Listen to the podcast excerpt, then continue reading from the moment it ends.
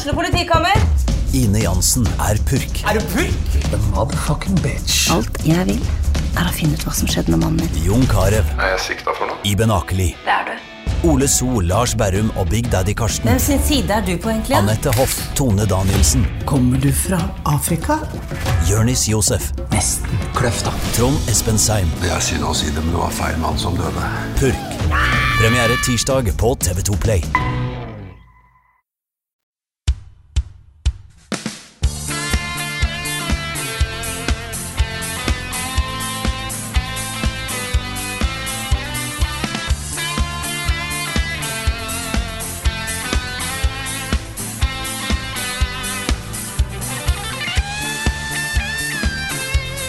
Neimen, hello, dere. Da må vi dessverre starte med noen dårlige nyheter.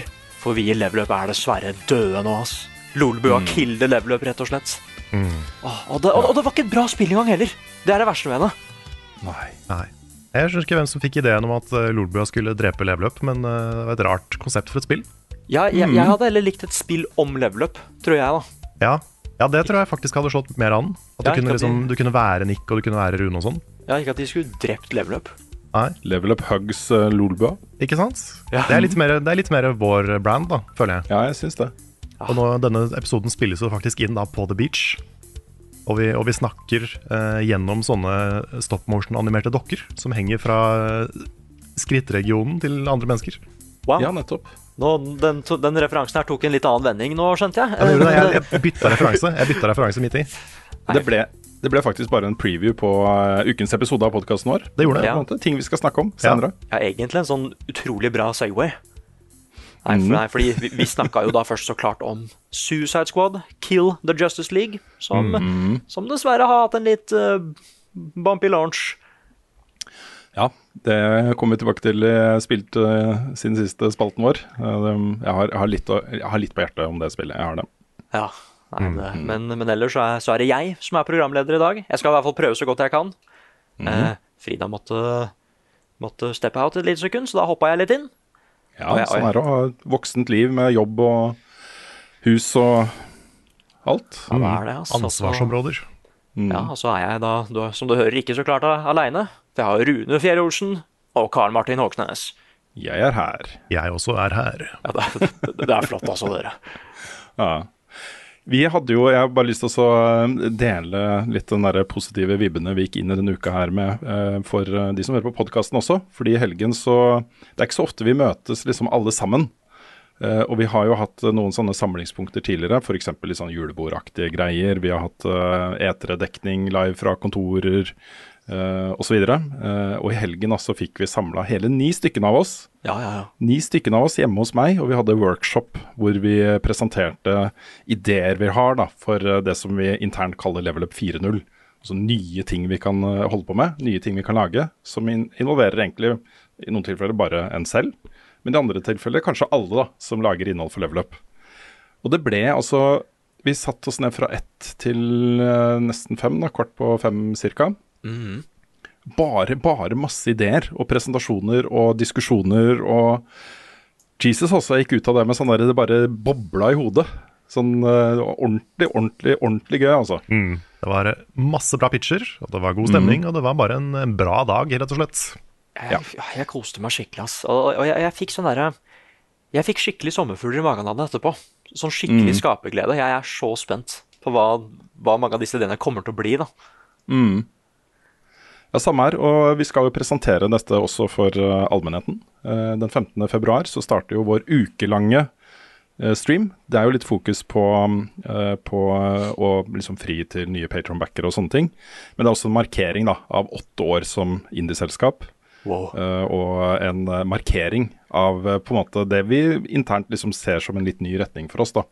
Jeg tror ikke folk skal være redde for at vi endrer oss voldsomt. Vi kommer fortsatt til å anmelde spill, og podkasten fortsetter, fortsetter og osv. Men vi har lyst til å gjøre litt nye ting også. Mm. så, så det blir hele den streamen fem, fra 15. februar- februar vil jo bli kicka off da, med en slags pressekonferanse, vil jeg si. Ja, det blir, det blir litt sånn eh, jevnlige premierer, kanskje, på ting. Ikke, på, ikke på ferdige ting, kanskje, men på piloter til ting. Litt sånn eh, proof of concept-ideer som vi presenterer på video. Ikke Ja. alle tinga som blir pitcha i helga, fordi noen av de er ganske svære. Ja. Men, eh, men noen av de skal, skal vi prøve å ha klare en, en slags testepisode av til den streamen. Mm. Så det blir, blir gøy. Det blir spennende. Ja, det blir kjempebra. Så vi, har vi bestemt oss for når på døgnet vi starter? Skal vi si er det fem eller noe sånt som er Jeg tror det er fra tolv til tolv, er det ikke det? Tolv til tolv, selvfølgelig, for vi skal holde på i tolv timer hvert Yes. eh, døgn.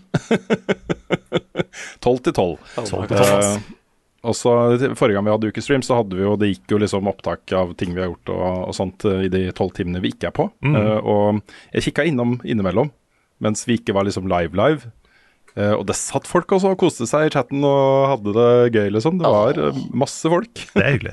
Det er, Ja, veldig hyggelig. da, da er det nesten verdt å gjøre det igjen, eh, selv om jeg ikke får brukt PC-en min. Ja, vi får kanskje ta det på skift, som jeg nevnte for deg. At Ja. vi bytter litt på å kjøre streamen i den perioden. Bare at vi har en bank med innhold som alle har tilgang til, og så fordelt på dager eller noe sånt. Ja, ikke sant? Alle gangene jeg åpner alle de lugubre, lettkledde bildene av meg sjøl, så kommer jo det med på streamen, ikke sant? Så det, jeg kan Ja, ikke ja. gjøre det da. Ja, Ja. Det er ikke noe særlig. Men det er bra du nevnte det nå, ja, så det ikke skjer. Så ikke det skjer at ingen får vite om de. Ellers så har vi jo Vi har ikke spikra hele programmet da, for alle syv eh, døgnene ennå. Eh, vi vet noen ting. Det kommer ut en del spill nå de neste ukene som, eh, som er liksom skreddersydd for å kjøre, kjøre på stream. Helldivers 2 f.eks. Ja, har vi vel bestemt oss for at vi skal kjøre stream av. Så det er bare å følge med på kanalen vår framover, så kommer det fullt program og, og um, en, en litt sånn derre uh, preview da, på hva dere kan vente dere av ukestream. Men uh, den generelle previewen er at dette her kommer til å bli fett også, folkens. Tetris, Skyrim, Destiny 2, The Sims, Edderkoppkabal, Destiny 2, Animal Crossing, Pokémon Cola eller Pokémon Pepsi, Destiny 2, Guitar Hero, Kingdom Hearts Bohemian Boogaloo, Destiny 2. Level Ups spilleliste. Da har vi kommet til hva vi har spilt i det siste. Og det har ikke vært, det har ikke vært veldig mange nye ting, men det har vært et par skikkelig hot òg. En sånn fin blanding. Så vi, vent, hvem, er, hvem har lyst til å starte? Det glemte vi å si før vi Jeg, jeg kan starte, jeg, for jeg tror jeg har spilt det nyeste. Ok. Um, um, og da først og fremst uh, et spill som jo har prega denne uka her i nyhetsbildet, på, på vondt og vondt. Ja. Um, Ja. Men uh, Suicide Squad Kill the Justice League lanseres jo da egentlig den 2. februar, um, samtidig med at podkasten her kommer ut. Uh, men den har jo vært tilgjengelig for de som har da forhåndskjøpt uh, Digital Deluxe Edition. Jeg tror, Det er mulig at jeg tar feil, så litt forbehold der, men jeg tror den Digital Deluxe Edition koster 1200 kroner. Det Ja, den jeg var, den var eh, dyr. Og, men du fikk jo faktisk eh, en 100% completion på kjøpet hvis du kjøpte den. Ja, jeg, herregud, jeg fikk med meg det. Ja, Ja, De måtte stenge serverne, for mange opplevde jo det. da. De kom inn i spillet da, og alt var, du var ferdig. Du var i endgamet. Ah, for det, Du- herregud. mm. Fordi tenk hvis liksom Tenk hvis du spilte God of War, det nyeste God of War, og det skjedde. Og et av Ja. trofeene bare spoiler en svær historieting. Mm. Kratos explodes, eller et eller annet sånt. Ja. Nei, det Ja, nei, det var ikke helt eh, bra det der, altså. Um, jeg eh, får jo begynne med å si da at eh, nå har jeg spilt ca. 2 12 timer av det. Eh, mesteparten av det sammen med Andreas Viking. Så vi satte oss ned og streama dette her i, i, også onsdag kveld. Før State of Play, som vi kommer tilbake til i, i nyhetsspalten. Og jeg har vel liksom også, Det er kanskje noen formildende omstendigheter. Jeg ser tendensene til noe innimellom. Men egentlig det eneste som jeg stopper opp ved, er sånn Ja, dette er jo bra. Det er litt sånn tekniske ting. Også mm. animasjoner, draw distance, uh, hvor ting, bra ting flyter, frameraten er eh, stabil. uh, animasjonene i cutscenes er gode, liksom. Uh, mens opplevelsen av å spille dette her er også så uinspirert og, og kjedelig. Og sånn der, du får liksom ikke ordentlig tak på det. Det er sånn møljeslåssing eh, hvor, uh, hvor uh, du føler liksom at det ikke gjør noe av betydning, da. Um, jeg skjønner liksom ikke helt hva poenget med dette spillet er. Jeg begynner allerede å formulere noen sånne tanker om at dette må jo være et prosjekt som de ikke har hatt lyst til å lage. Og så noen har bedt dette teamet her om å lage dette spillet. Um, vi vet jo også at folk har jo slutta i Rocksteady. Uh, Starta nye selskaper. Um, dette her er ganske langt unna det de på en måte slo gjennom med, også. Disse Batman Arkham-spillene, som jo regnes som noen av tidenes aller beste superheltspill. Og jeg må jo si at førsteinntrykket er jo det er utrolig trist da, at de har gått fra det til noe som ser ut til å egentlig bare være generert for å eh, tjene penger. Det, er, det er sånn jeg opplever det. Det er jo litt den derre Altså, det er så mange flinke studioer som har blitt bedt om å lage Games as a Service-spill nå. Og det har jo ofte ikke gått bra. Nei. Så Redfall i fjor, liksom. Mm. eh, Det er jo dritflinke folk. Men så blir det bedt om å lage noe som ikke er det de er gode på, og så går det gærent. Ja, vi vet vi, kan- vi kan jo anta og gjette litt hva som har skjedd der. Fordi eh, toppsjefen i Warner Bros. Interactive har jo vært ute nå sist i Variety, altså bransjemagasinet Variety, og snakket om hvordan de ser på spillutvikling. Og det er helt åpenbart at han vil engage fans 24 timer i døgnet, syv dager i uka, eh, 365 dager i året. Oh eh, og la på en måte underholdningsuniversene til Warner Bros., da, som da inkluderer eh, DC, men også Game of Thrones f.eks. Um, bare tappe inn på den der Games as a Service-pengemaskinen hvor folk bare fortsetter å spille og fortsetter å bruke penger. Eh, og Det er derfor dette spillet også har uh, også, uh, season pass-lignende greier. eh, et endgame. eh, sesonger eh, hvor de pøser på med nytt innhold og ny, ny kosmetikk og sånne ting. Så når du er ferdig med historien her, så er det jo meningen at du skal bli i denne byen og gjøre ting for å levele opp de, eh, de fire forskjellige rollefigurene, for å skaffe nytt gear, for å Ikke sant? Um, og det, det, det er sånn en fullstendig kollisjon med det som kunne vært for meg da, en ganske interessant og spennende superhelthistorie. Hvor premisset er jo at uh, Brainiac har uh, tatt over uh, Justice League. og gjort de til sine slaver og lakeier, liksom. De gjør bare som han vil. da. Så Supermann er jo på en måte besatt av kreftene til Brainiac. Og så frigjøres da Suicide Squad fra fengselet og får denne bomben planta i hodet og skal redde verden, da.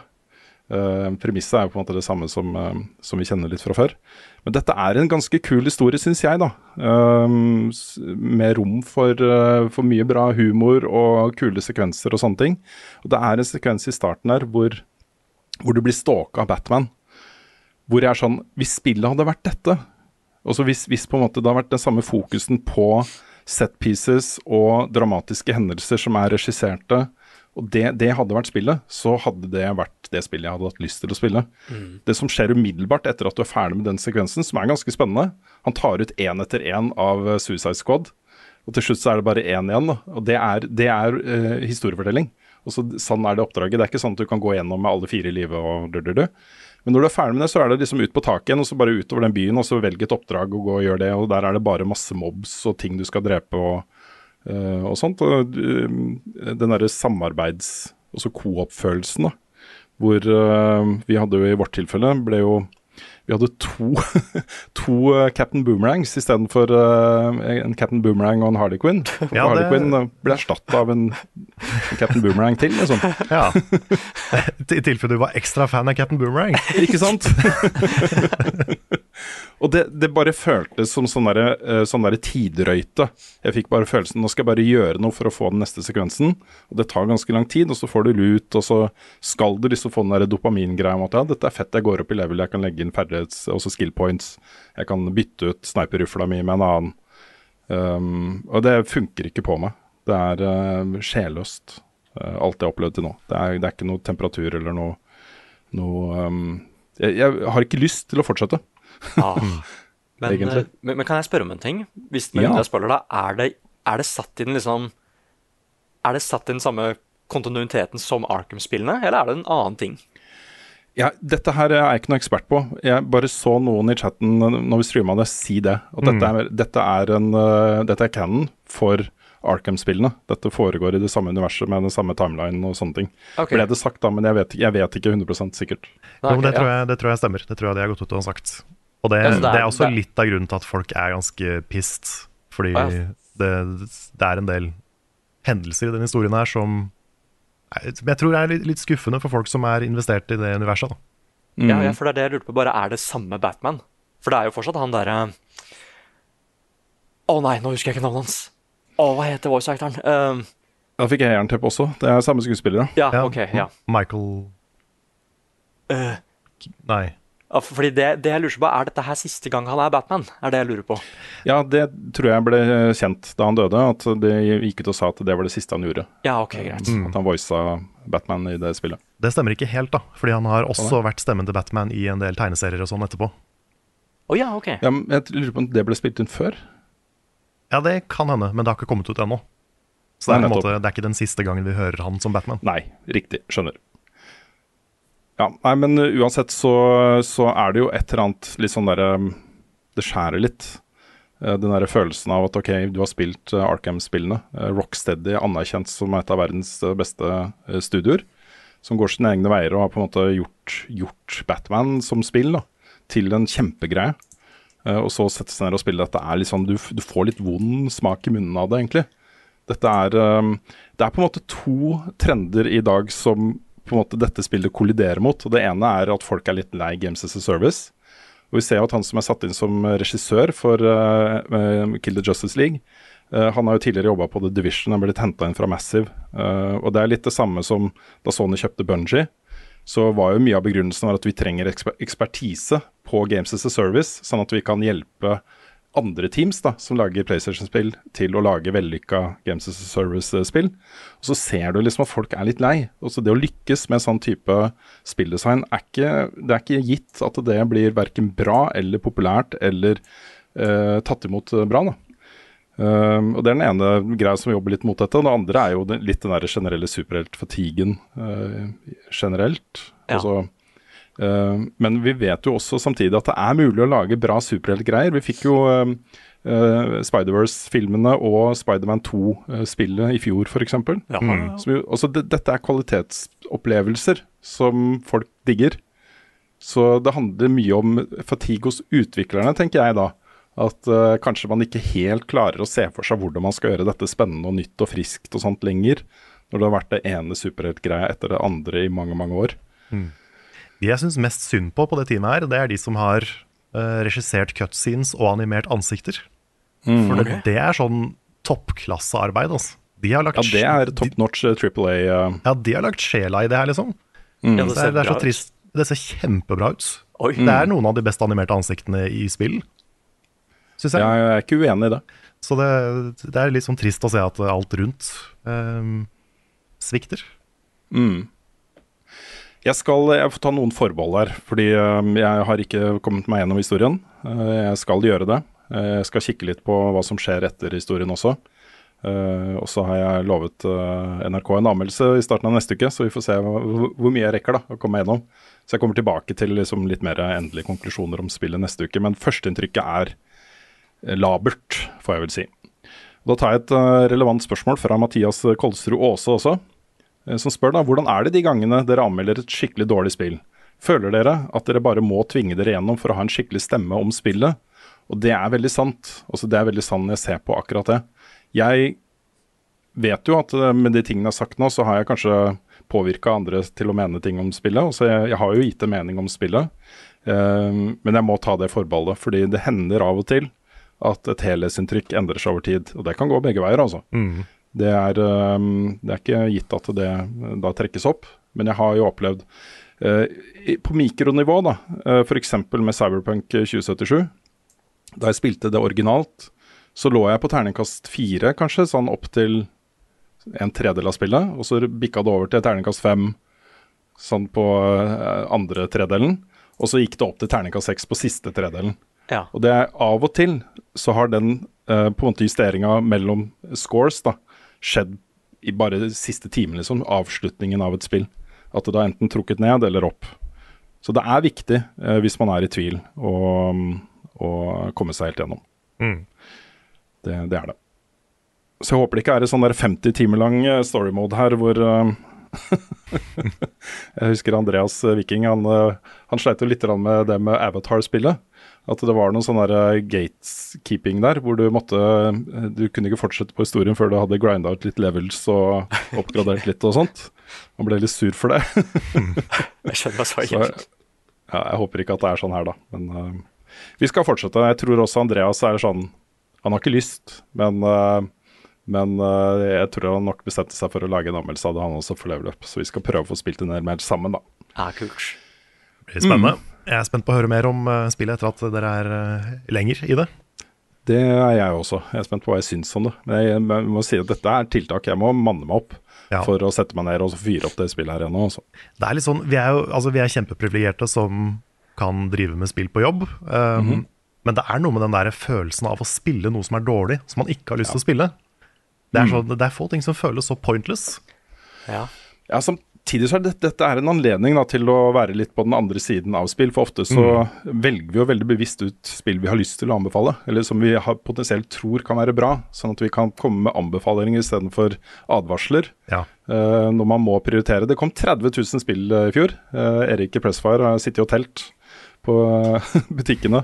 Kom fram til tallet 30 000, over 30 000 spill, altså over 100 spill hver dag. Wow. Det sier på en måte seg selv at mesteparten av det er dritt. Mm.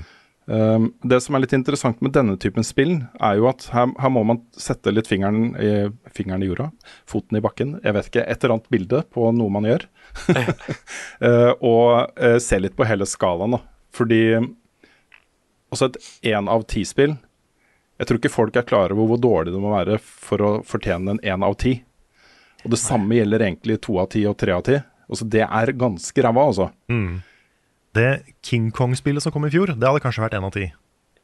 Ja, det, jeg har ikke sett så mye Ja, om det, men uh, ja. Ja, for jeg tror kanskje ikke det, ass, for meg. Jeg, okay. Jeg, jeg, jeg klarer ikke å komme på et eneste en av Fordi da får jeg på en måte ikke spilt det. er på en måte det jeg har på én av ti.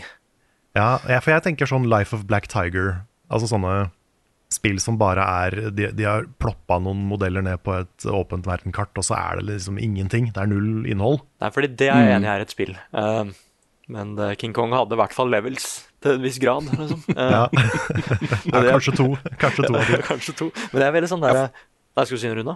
Nei, nei, bare fortsett, Nick. Jeg er veldig sånn at eh, jeg syns det er kjempegøy å anmelde helt krisespill, for da kan jeg endelig få ut hva jeg syns om dem.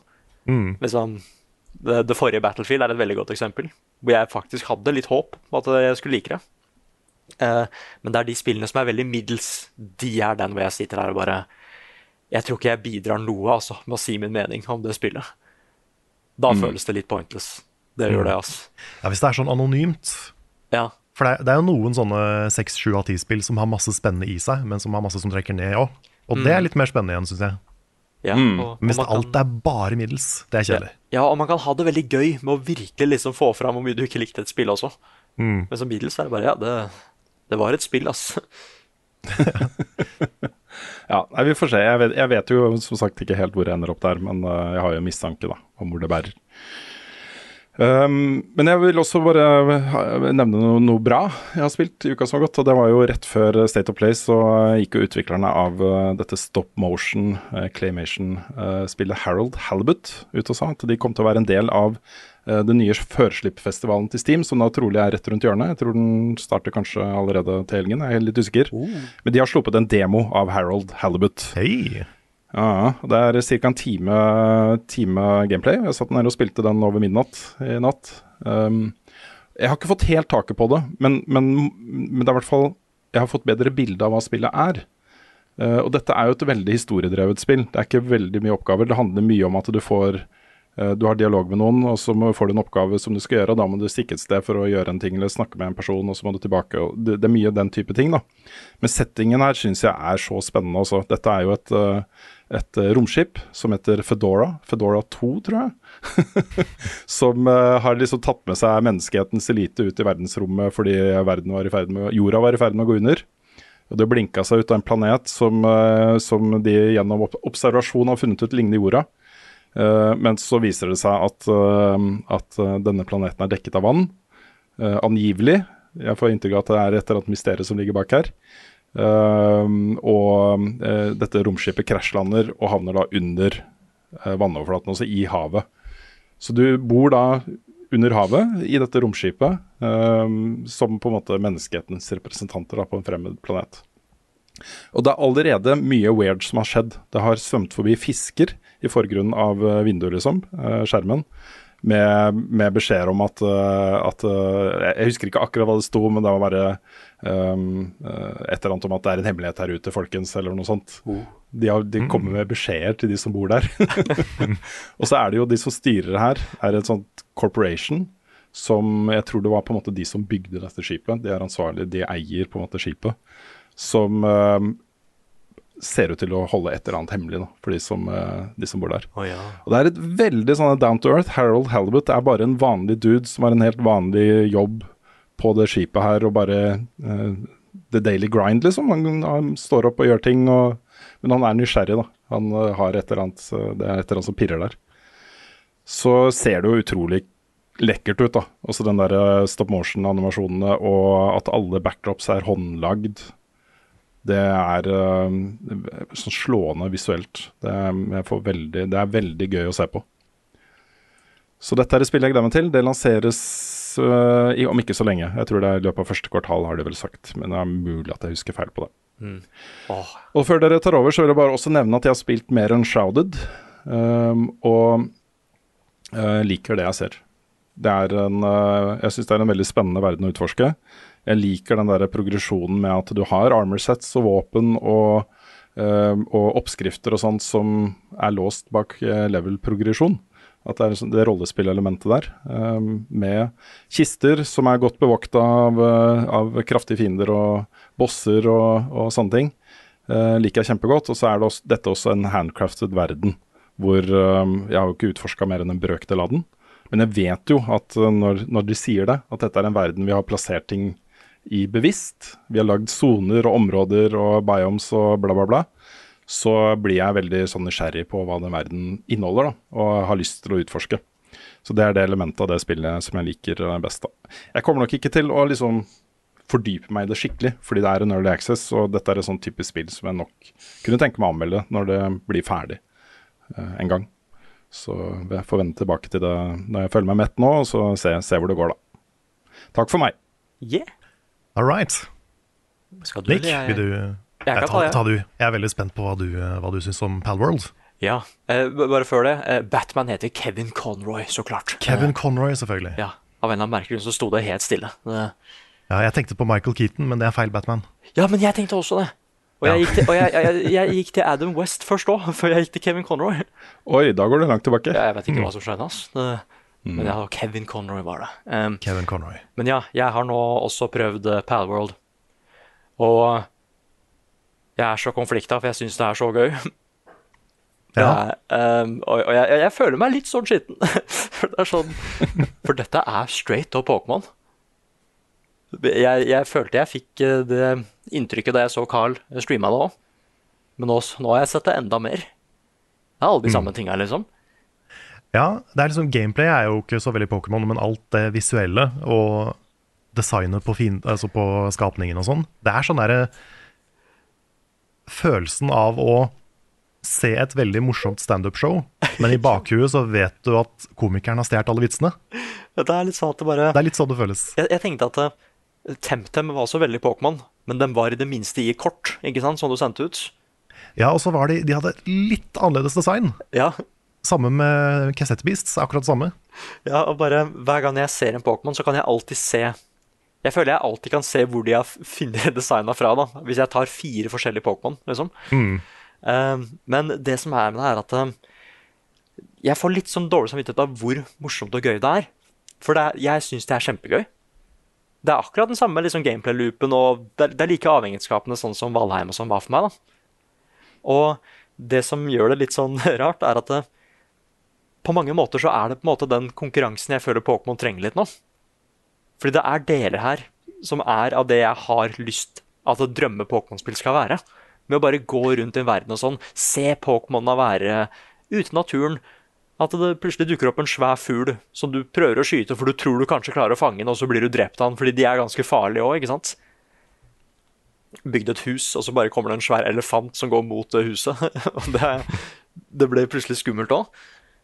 Nei, så det er bare det er, Jeg er veldig spent på hva Nintendo kommer til å gjøre med det etter hvert. Eller om de kan gjøre noe i det hele tatt. Men, men så langt så er det faktisk veldig gøy, altså. Sånn overraskende gøy. Akkurat det du sa der, er noe jeg har hørt ganske mye når folk snakker om, uh, om uh, Palworld. Noe av det er litt sånn derre um, Litt vel edgy. Og litt sånn derre fuck gamefreak for å ikke legge mer innsats inn i dette her. Mens noe av det opplever jeg som litt sånn legitim uh, kritikk da, av litt stagnasjon i, uh, i Pokémon uh. At man har en mulighet her til å på en måte tilpasse seg eh, tiden vi er i, eh, og ønskene til folk som har kanskje vokst opp med Pokémon, har lyst til å spille et mer eh, open world Pokémon. Eh, det er konkurrenter der ute som tilbyr opplevelser som kunne ha fungert i Pokémon- Pokémon-sammenheng også. Eh, en del av de argumentene jeg kjøper, da, eh, som jeg, som jeg syns er leg legitime. Mm. Ja. Jeg har sett flere av de også etter hvert. Jeg har spilt det mer, jeg også. Ja. Og da vi streama det, så var det sånn Dette er jo ikke Pokémon i det hele tatt. Dette er jo liksom Valheim, hvor de har bare ploppa masse Pokémon, bootleg-Pokémon, inn, inn i verden, liksom. Mm. Men det er noe med liksom Da jeg rett etter streamen kunne ri en lama ut i kamp, det var litt gøy. Og det er sånn, her, er- her er det noe. Eller at liksom, en liten vannpokémon er med å vanne blomsterbedet ditt. Det er sånn, det er litt, sånn- der er det en, noe sjarmerende og litt koselig. Ja, det, det er elementer der som jeg vil veldig gjerne se i Pokémon. Mm. Nei, så, og, og, og det er sånn, når jeg altså går på kartet, så står det forskjellige steder hvor det er dritsterke Pokémon. Så- Sånn, jeg vet, jeg vet, i hvert fall bosser, da. Og det er så kult! Mm. Fordi jeg, jeg er veldig spent på hva jeg faktisk kommer til å finne av å utforske den verden. Og bare Jeg, jeg var veldig glad i det derre uh, Arcus-spillet også. Men jeg har jo sett alle Pokémona før. Så jeg vet, jo Ja. liksom, jeg vet jo nøyaktig hva som flyr, og hva som er i elvene og sånn. Så det å få en helt sånn ny verden, da, selv om mange av de ser ganske like ut som Pokémon, men det å bare ikke helt ane hva jeg skal møte på sånn, det er veldig, veldig stilig, altså. Nei, og jeg, Men jeg, jeg tenker også liksom på Det har fått meg til å queste mye av Pokémon nå. Fordi hvis du bare banker opp en Jeg veit ikke om du dreper Pokémon her, jeg vet når, når du slår dem helt eh, Når de er tom for HP. Nei, de bare besvimer. Ja, fordi de besvimer, men de ruller rundt òg. Det er liksom ragdoll. Er på, ja, I Palworld, ja. det i Palworld, så de liksom bare Ja. de har, det, det har vært noen Lamballs som har rulla ut av fjellkanten og sånn, så jeg liksom håper at de har det bra.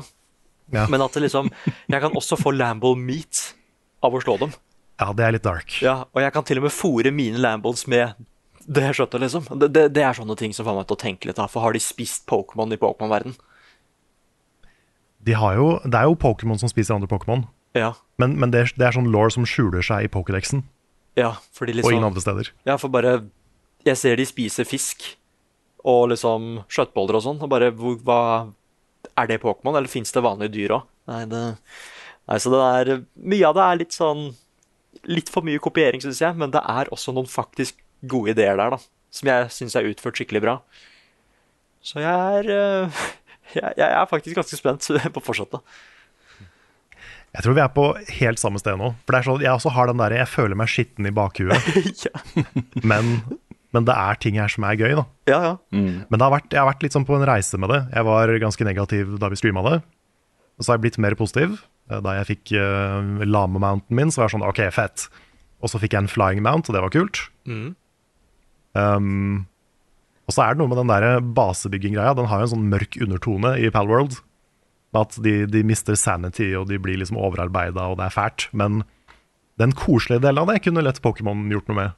ja, at de Sånn hjelper deg litt å bygge og Ja, altså du kan, eh, du kan varme opp en, en, en sånn varmeovn med en fire-pokémon, ikke sant? Og en liten pingvin kan sprute litt vann på blomsterbedet ditt. Det, sånne ting er kjempekoselig og litt Ja. sånn sjarmerende. Jeg, jeg føler vel at vi går ikke helt til den der hvor jeg har sett de der eh, wallpaperne og sånn av bare Lamballs. Disse flotte, fine sauene som har maskingevær og bare passer på basen, liksom. Vi går ikke i den retningen. Vi, bare, Nei. Vi, vi prøver å gå en litt mer sånn koselig retning i Palworld. Ja, jeg, jeg, har, jeg har spilt 20 timer av Palworld nå, og jeg har fortsatt ikke eh, brukt en, brukt en gun. Oi, oi, oi. Er det veldig bevisst, liksom? Du, du vil, har ikke lyst til å bruke en, Det er- en gun? Det er litt todelt. Det ene er fordi det er grunnen til at jeg også begynner å bli litt lunka igjen. Ok. For det er liksom, det har vært, jeg har vært nede, gått opp, og nå går jeg litt ned igjen. Eh, og jeg er sånn rundt level 30 et eller annet. Ja. Og nå går det veldig sakte. Jeg har farma så mye ingots, og jeg begynner å bli ganske lei av den progresjonen. Mm. Så, så det stopper opp litt for meg. Og du må grinde såpass mye da, for å få de ressursene du trenger etter hvert. Og jeg har til og med boosta XP-en på serveren jeg har laga, for at det skal gå fortere, men det er fortsatt litt sånn herre Nå begynner jeg å bli Kanskje fordi jeg har spilt for mye av de andre survival-spilla, da.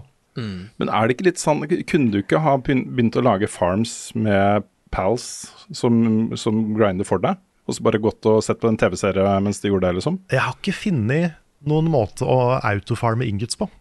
Nei. Der må jeg, tror jeg da i hvert fall, eh, må jeg gå og hakke det sjøl. Ja, f- ja, for jeg tror det er mulig. Eh, fordi eh, Prøvde å lage hus også, og innafor den sonen så var det sånne ingot eh, deposits og sånn. Og jeg Ja. tror de tok det derfra. Gjorde det? Ja, at hvis de var innafor den sonen, så tror jeg de gjorde det. Ok. Ja, kanskje fordi jeg ikke har noe ingots på basen min. Det kan hende hvis du lager en ny base på et område med masse Det har jeg ikke tenkt på. Du la, nå holdt jeg på å si Jeg holdt på å si at du skal lage en fabrikk eller mining outpost, ja, men ja, ah, Men jeg, altså må jeg bare si en veldig morsom ting, fordi jeg syns det er så gøy at eh, det er alltid litt gøy å få sin unike versjon av en Pokémon og en Pal. For det er din versjon av den, ikke sant? Så du må liksom gå med de statsa den har og ting og tang. Men det er så morsomt fordi jeg fanger liksom to Lambles. Den ene sin, den ene sin perk er slacker. Han er, han er bare lat, liksom. Og den andre er Den har Blood of the Dragon. nice. Kan både lære og ha dritsterke drageangrep. liksom. Mm. Det er utrolig morsomt. Jeg har, jeg har også fanga et menneske i en pokerball. Det, det har jeg også gjort. En sånn, jeg er en sånn thug som går rundt og jobber på, på gården min. Ja, det er kult. Men er det mulig? Kan, kan, du, Det er mulig. Kan, du fange, kan du fange den merchanten som er der? Ja, ja, ja. ja, Ja, det tror jeg. Men også, Ja, men du kan, jeg har sett folk gjøre det. Ha. ja, men jeg, jeg, jeg, jeg ikke, ikke at jeg prøvde, men jeg holdt en sånn ball over for å se hva capture raten var. Jeg så ingenting. Hva er det mulig å fange folk? Ja, det er mulig å Hva, fange folk. hva er i pokerballen, på en måte? Hæ? Ja, hva er i på en måte på, Hva er i Nei, altså, pokerballen? det jeg har sett, er at de har fanga merchanten, og så har de, har de sluppet merchanten løs også, Ja. som man gjør med pals. Da. Fordi da Mm, begynner jeg veldig å tenke bare, ja, hva, Åssen er verden inni en pokerball? Eller en palball? Mm. Ja, men det har jeg lurt på siden jeg var tolv år. Ja. Hva, hva er egentlig inni pokerballen? ja, for nå håper Jeg tror jeg du blir teleporta til et uh, magisk kingdom hvor du uh, løper rundt på blomsterenger og har det fett. Ja, for Jeg, jeg tror liksom I, i Pokémon da, så er, eh, så er forklaringen at de har en sånn liten slags leilighet ja. som de lever inni, og så har de alt de trenger. Så de, Ja, ok. de har det bra, liksom. Men Hadde ikke dette vært et kult spill inspirert av Pokémon? da? Hva skjer med, med Pokémons når de er inni ballen, liksom? Hvor havner de? Hvor er de? Kanskje noen av de havner i sånne der kjipe marerittaktige alternative dimensjoner og, og sånt? Å nei. Så blir det plutselig bare revet ut. Og så neste du ser, er bare trynet på et eller annet svært monster som du blir pælma i trynet på, liksom. Ja, ellers bare er det innsiden av The Cube, liksom, fra den filmen der. Så det er ganske ja, ja, det er men. Ja, det, Ja. Herregud, å kidnappe folk, liksom, med pokerballer, det er ganske Men det er, nå tar jeg en eh, sak fra nyhetsspalten også. Det er jo naturlig å nevne det nå. Vi har jo uh, fulgt med på salgstall og sånt for Palworld, og det er jo ganske ekstremt. Uh, nå har da spillet faktisk rundet 19 millioner spillere på 12 dager. Wow. Wow. Det er 12 millioner på Steam og 7 millioner på Xbox og Windows Store. Det er mange millioner mennesker, altså. Ja, det er folk. Mm. Men er du, er du enig, Nick, at liksom det du ønsker deg fra Pokémon framover, det er et bedre Arceus eller Arceus? Ja, at uh, et bedre Arceus, ja. Jeg er på den siden, jeg, vet du. Eh, jeg, jeg vil ha et uh, Jeg vil veldig gjerne ha det formatet vi har nå i Pokémon-spillene også. Men jeg vil også veldig gjerne ha et hvor de faktisk virkelig prøver seg på noe ordentlig open world, ja, sånn som de prøvde på Yarkus. Og det er derfor jeg syns dette her er litt kjekt. da, At uh, dette er veldig det jeg ser for meg det kan bli. Hvis du bare fjerner guns. lager base, får Pokémon til å hjelpe deg, sånn, dra på eventyr med dem. Ja, for jeg er litt sånn, jeg vet ikke om jeg har lyst til at Pokémon skal bli et survival-spill, men jeg, jeg vil, vil veldig gjerne ha mer av det Arceus begynte på. Ja, At det liksom, den type open world syns jeg funker dritbra. ja jeg vil eh, Så hvis de, hvis de bare klarer å gjøre det, men bedre, med liksom det ser penere ut, og det er litt mer uh, velutvikla på mekanikker og sånn, så, så tenker jeg at det kan, være liksom et, det kan bli et ti av ti-spill for meg. Ja, det, det er en sånn veldig sånn lett sammenligning å gjøre. Men Breath of the Wild-Pokémon, liksom. At bare mm. du starter i din egen lille town, og du vet at, at målet er ligaen. Men at du har en hel øy du kan utforske. Velge hvor du skal gå inn og sånn. Ja, det er uh, igjen, det, ja, ultimate drømmespill. Jeg kan også se på at det kan fort bli et ti av ti-spill. Og det er derfor jeg ikke klarer å være for harsh mot uh, Palworld. For jeg føler faktisk de får til noe av det bedre enn det Pokémon har gjort. Mm. Noen ting gjør, gjør det. Mm. Har dere prøvd vann fra springen? Jeg har sett en ny TV-serie ja, nå, vet du. Dette albumet må dere høre. TV-spill er ganske stas. Det er en serie som foregår in space. YouTube.com der er det en kul nettside. Levelups anbefaling. Da kan det jo kanskje hende at vi også har noen anbefalinger denne uka her. Og Det kan er, det. Ja, og det er jo Rune som da har anbefalinger. Jeg har ikke noen andre med anbefalinger. Det er rart, nå som jeg er her, liksom. Jeg har en anime-anbefaling. Jeg har to anbefalinger, og en av de er anime, Nick. Oi, er det, er, det, er det noe jeg har sett, holdt jeg på å si? Ja, kanskje vi kan begynne med den, da. Jeg har jo, um, Etter at jeg skrøt så voldsomt av uh, Blue Eye Samurai, så ramla det inn folk. Har du sett Pluto? Du må jo se Pluto. Nei! Har du sett Å, Pluto? fy søren! Ok, ja. Så nå har jeg, sett, jeg ser Pluto, jeg har sett fire episoder. Og det er også eh, Det er jo små filmer, disse episodene. Eh, Ja, ja. De tar seg innmari god tid. De er over en time lange, disse episodene. Det er åtte episoder da, i den sesongen. Mm. Og det er altså så bra. Å, herregud, så godt å høre. Har du sett det, ass. Nick? Ja, ja, ja. Uh, jeg har lest serien nå. Det er, Ja, eh, nettopp. det er en så fin adopsjon. Mm. Ja, nei, det er kjempebra. Jeg kjenner jo ikke til dette universet her fra før. Bortsett fra at plutselig så dukka jo Atom opp. Uh, Astroboy. Ja, Astroboy, som, mm, Han heter jo Atom i Japan og Astroboy i Vesten, er det ikke det riktig? Det tror jeg Jeg ble faktisk litt usikker. Men nei, det som er så kult, er at det, her er det noen som bare har tatt Astroboy-universet, Mm. men liksom sett en sånn mer alvorlig vri på det. Mm. At det bare Ja, hva er implikasjonene for eh, ja, AI og ting og tang som det der, da? Ja, for Utgangspunktet her er jo at du, du har kommet til et punkt i menneskehetens historie hvor uh, utviklingen da, av AI og eh, robotikk har kommet så langt at, eh, at um, eh, man, man har utvikla et sett med lover da, som gir eh, også roboter rettigheter. Altså De blir en del av samfunnet på en helt, helt nesten sidestilt måte som mennesker er. Uh, og har en plass i samfunnet som, uh, som uh, også har litt motstand. da. Blant annet så er jo på en måte bakteppet her at det har vært en stor krig. -hmm. Hvor da ett land, det var vel Persia som det het i det universet, var det ikke det, Nick? Som, eh, Det som brøt disse reglene. Begynte å utvikle kamproboter og en kamprobot her, og Mm. ble en trussel for, eh, for hele menneskeheten. Eh, og så samla da resten av verden seg og skapte en mothær, og så ble det et kjempeslag hvor millioner av roboter ble drept da, i den krigen. Det var roboter som kriga mot hverandre. Eh, men det som er litt eh, interessant, uh, er jo at her er det jo også mennesker og sivilbefolkningen havner jo i, i skuddlinjen, i kryssilden her, liksom. Uh, og blir ofre for, uh, for denne kalde følelses... også krigen mellom roboter som ikke har følelser. De havner liksom midt i det. Og det er en del paralleller der til ting som foregår i dag, som traff ganske hardt, da, når du begynner å gå tilbake og se på liksom, konsekvensene av krigen og sånne ting. Og så er det jo det overbyggende spørsmålet. Um, hva utgjør et menneske? Når kan man si at kunstig intelligens har kommet så langt at man uh, må behandle de som uh, levende skapninger? Uh, og hva slags påvirkning har det på samfunnet generelt? Som de utforsker i veldig sånn De går veldig i detalj. og Den første episoden her gjorde så inntrykk på meg. Det var da jeg skjønte at dette her skal jeg se alt av. Fordi den starter som en litt mer sånn tradisjonell anime-serie. Det er mange ting som skjer, og forskjellige sekvenser, og mye rollefigurer, og de bytter litt lokasjoner og sånt. Men så er det plutselig en halvtime på liksom mansion til en eh, pianist, en blind pianist. Uh, og da det forholdet som han har til sin uh, nye robotmedhjelper. Og den robotmedhjelperen er jo en av syv sånne eh, gudelignende eh, roboter i verden, Mm. som regnes som masseødeleggelsesvåpen. Um, og det forholdet mellom de to, hvordan det utvikler seg, det gir det altså så mye plass og rom til å sette seg at jeg ble fullstendig hooked. Altså. Nei, det er, Det var kjempebra. det er så jeg, jeg, Det er så gøy å høre at du snakker om Pluto. For det er sånn um, Det er jo en serie jeg har lyst til å ha anbefalt før. Mm. Uh, og spesielt til deg, siden det går veldig mye inn på AI og veldig kul science fiction og sånn.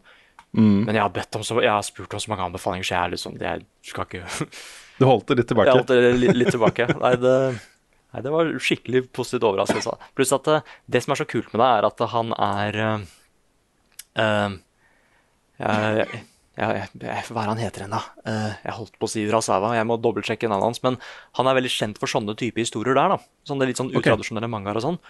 Eh, så han får nesten aldri noen av historiene sine faktisk eh, adoptert.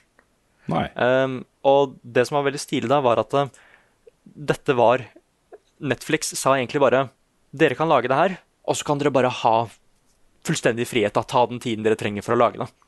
Mm. Og det, er, og det er sånn det blir bra, ikke sant? Ja. Nei, ja, jeg, det her liker jeg kjempegodt. Det er, eh, du blir jo introdusert for den ene, eh, også gradvis, da, én og én av disse syv uh, gudelignende robotene. Mm. Uh, en heter Hercules, f.eks. det er uh, det, det, Jeg syns det er kjempegøy. Jeg får litt den følelsen av Hva heter han, han som, som er den sterkeste i, i Watchmen? Han blå. Ja, Manhattan. Dr. Stemmer. Manhattan, ja. Mm. Ja, De har på en måte denne posisjonen i dette universet. Altså De er eh, Noen av de er dypt elsket av folket. Du har en sånn skogvokter eh, Men tidligere, da. eh, Mm. Men nå er han skogvokter, og han kan snakke med dyrene. Og uh, når, når han blir drept, da, det er jo det som er plott der, så eh, blir det sånn landesorg over hele verden.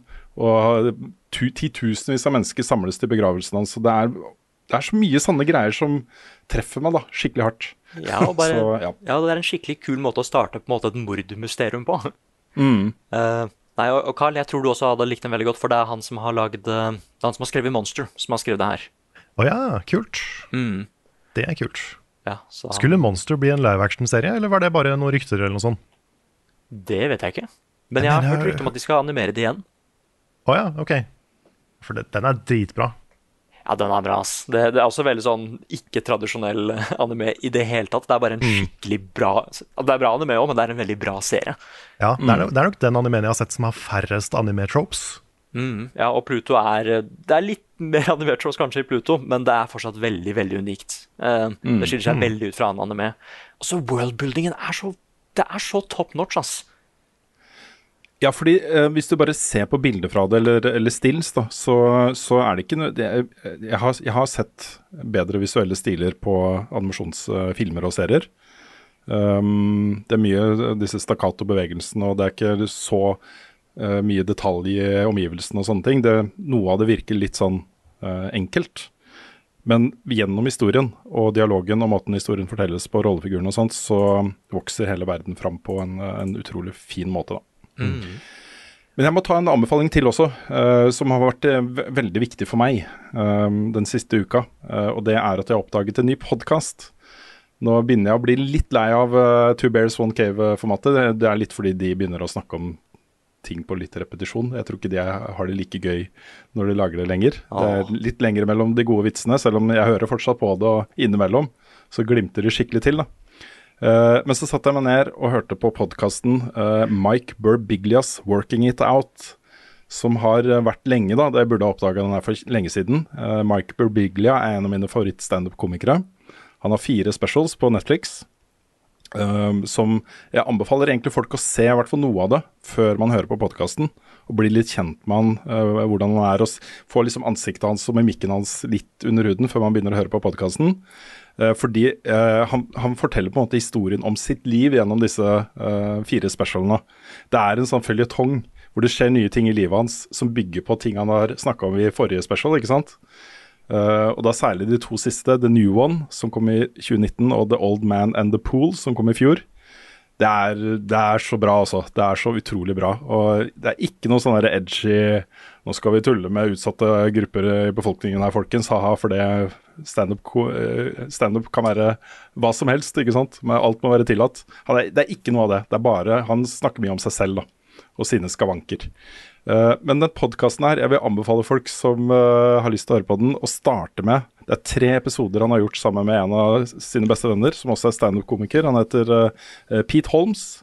Han har også en ganske fersk standup ute på Netflix som heter I Am Not For Everyone. Um, og den dynamikken mellom de to også. Jeg har gått på gata og ledd høyt. Jeg har sittet på trikken og T-banen og bussen og bare Jeg klarer ikke å stoppe. Og så De kommer med sånne insults til hverandre hele tiden. Som er basert på hvem de er og personligheten deres og sånne ting. Men det kommer fra hjertet, da. Så det er velment. ikke sant? Det er roasting av beste sort. Og det er også så morsomt, den dynamikken mellom de to. Så bare søk opp de episodene som har Pete Holmes som gjest, eh, og se litt av han også først. Du, du, du, det hjelper å ha ansiktet hans i hodet når du hører de tingene som blir sagt. Eh, Det er også så morsomt. Det er så morsomt, folkens.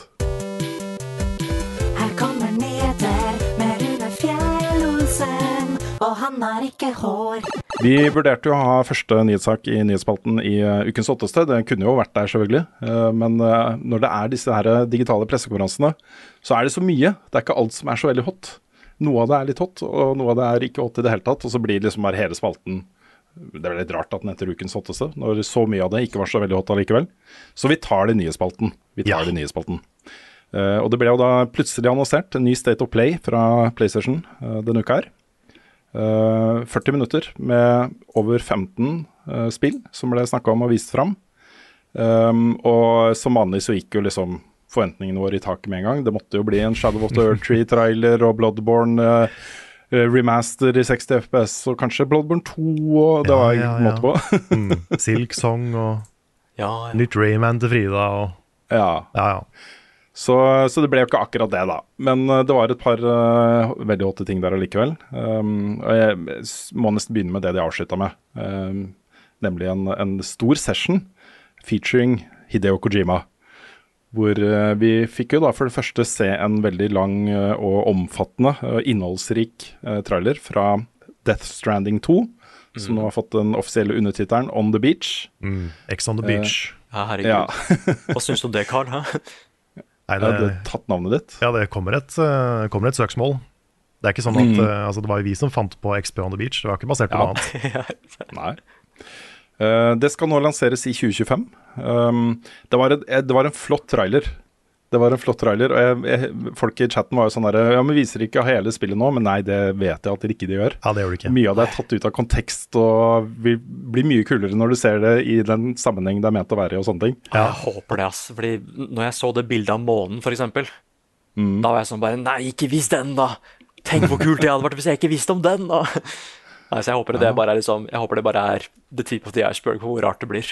Ja, Mm. For dette er jo traileren for de som ikke syns Death Stranding var rart nok. Ja, fordi nå har jeg mista plottet igjen, altså. Ja, det, er så mye, det var så mye rart i den traileren og det er helt vilt.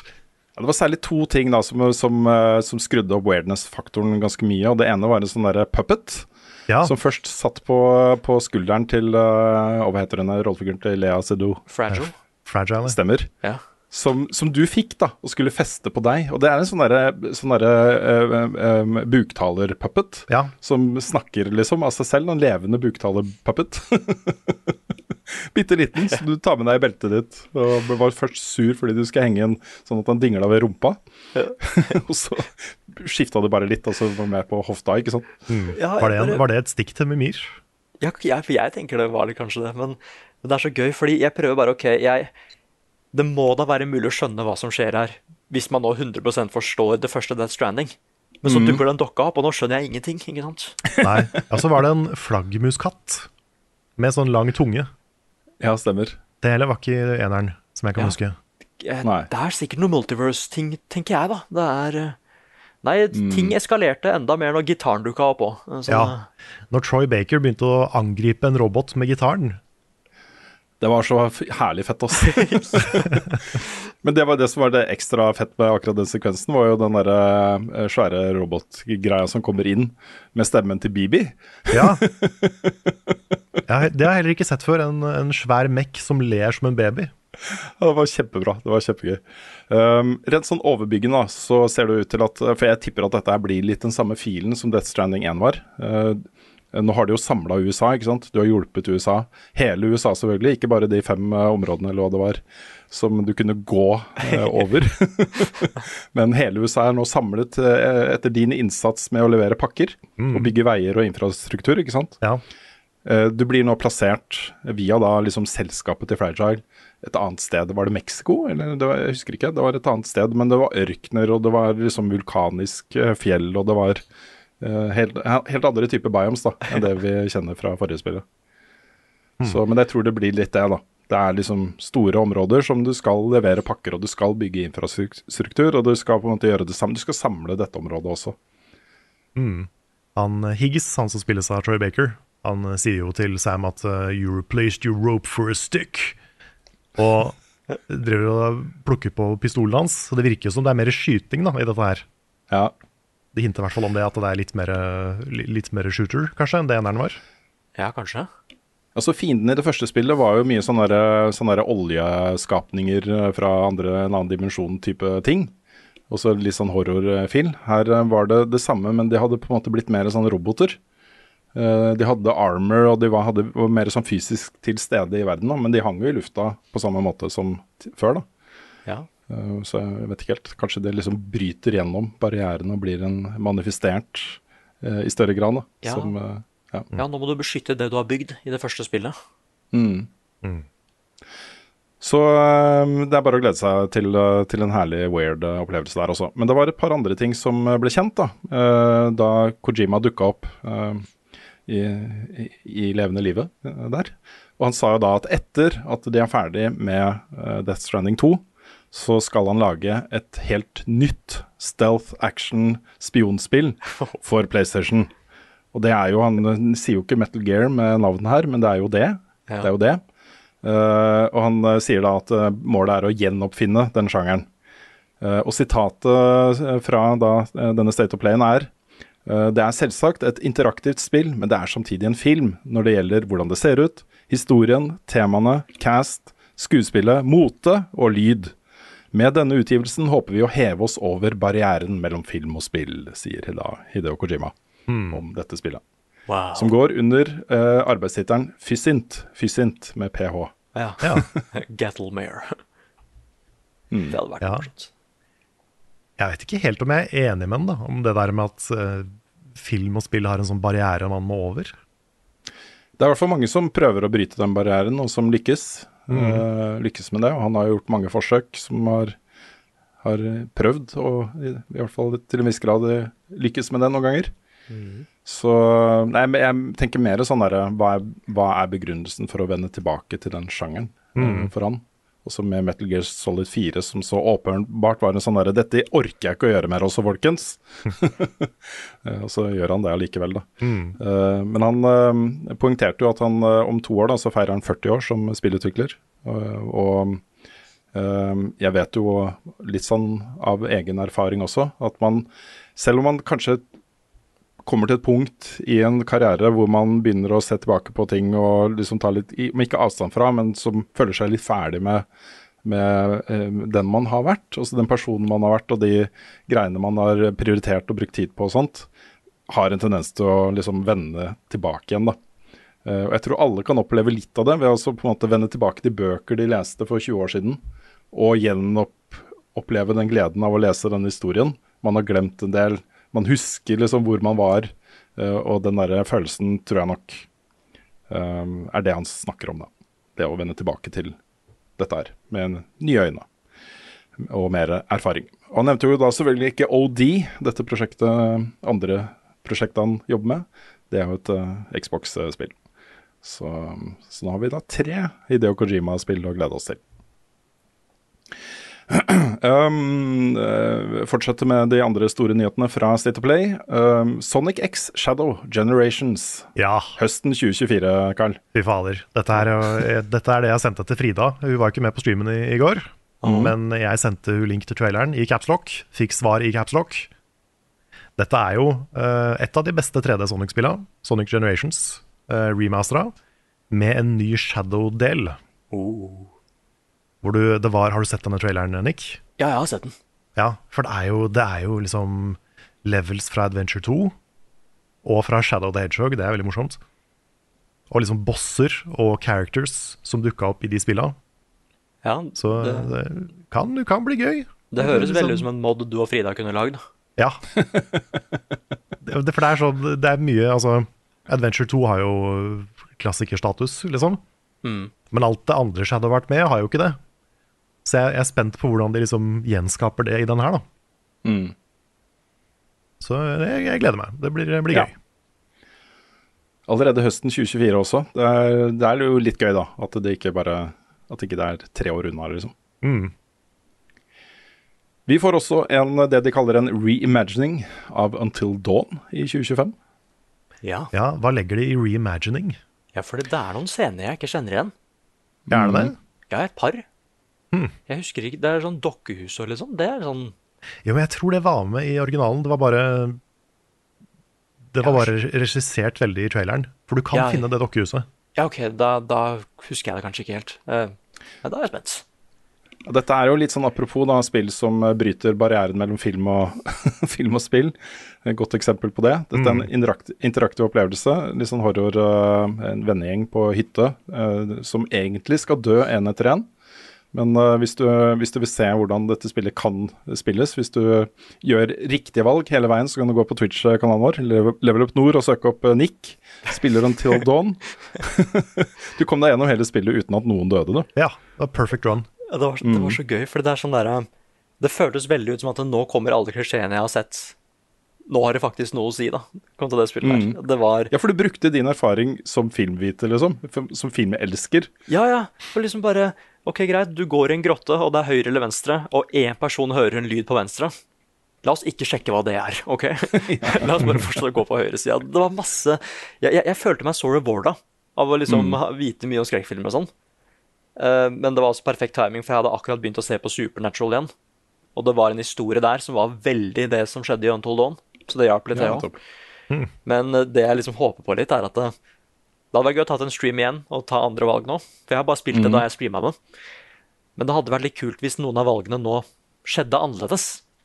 At det er faktisk på en måte en remake-ting her òg, da. Ja. Ja, jeg lurer på om, det, om de faktisk legger til noe. For det er jo Hva er det for noe? Ti år snart siden Until Dawn? Oi. Så der kommer skuespillerne til å gidde å komme tilbake. Det er jo Mange av de har blitt Hollywood-kjendiser, enda mer enn de var. Så eh, ja, Rami eh, ja, Rami Malek. Malek. ja. er Ja. med der. Mm. Så det er mange, mange big stars. Mm. Men det elsker det spillet. Det er jo kanskje fortsatt det beste av de som den gjengen har laga. De har jo laga Dark Pictures seinere, og The Quarry. Men Until Dawn er eh, Det er bra, altså. Ja. Det er et annet studio som lager denne remaken, remastered, uh, reimagining-spillet, er det ikke det? Det er ikke samme time? Nei, det så ikke sånn ut. Nei. Så jeg vet Ikke hvem Blue hvem Point. Ja, jeg vet ikke hvem de er, men de eh, Fordi de bytta jo studio etter Until Dawn. Mm. For det var vel PlayStation eksklusivt, mener jeg å huske. Mm, Mens de, de nye er ikke det. Nei. Vi fortsetter med gameplay-revealen til Judas, det nye spillet til Ken Levine, som eh, de fleste nok eh, forbinder mest med Bioshock. Men han har også eh, en, en eller uh, opptil flere fingre med i spill som System Shock og andre spill i den sjangeren, da, den gata. Mye, sånn et, eh, et godt utvikla, lukka univers som er litt sånn eh, rart og annerledes, og du kommer inn der og ja, under vann, eller om det er oppe i skyene, eller på en romstasjon, eller Det er mye sånn, da. um, jeg, jeg, eh, jeg og flere andre i chatten fikk litt den der følelsen dette er på en måte Bioshock all over again. Mm. De mista, Eh, men mista muligheten til å kalle det for Judas Shock.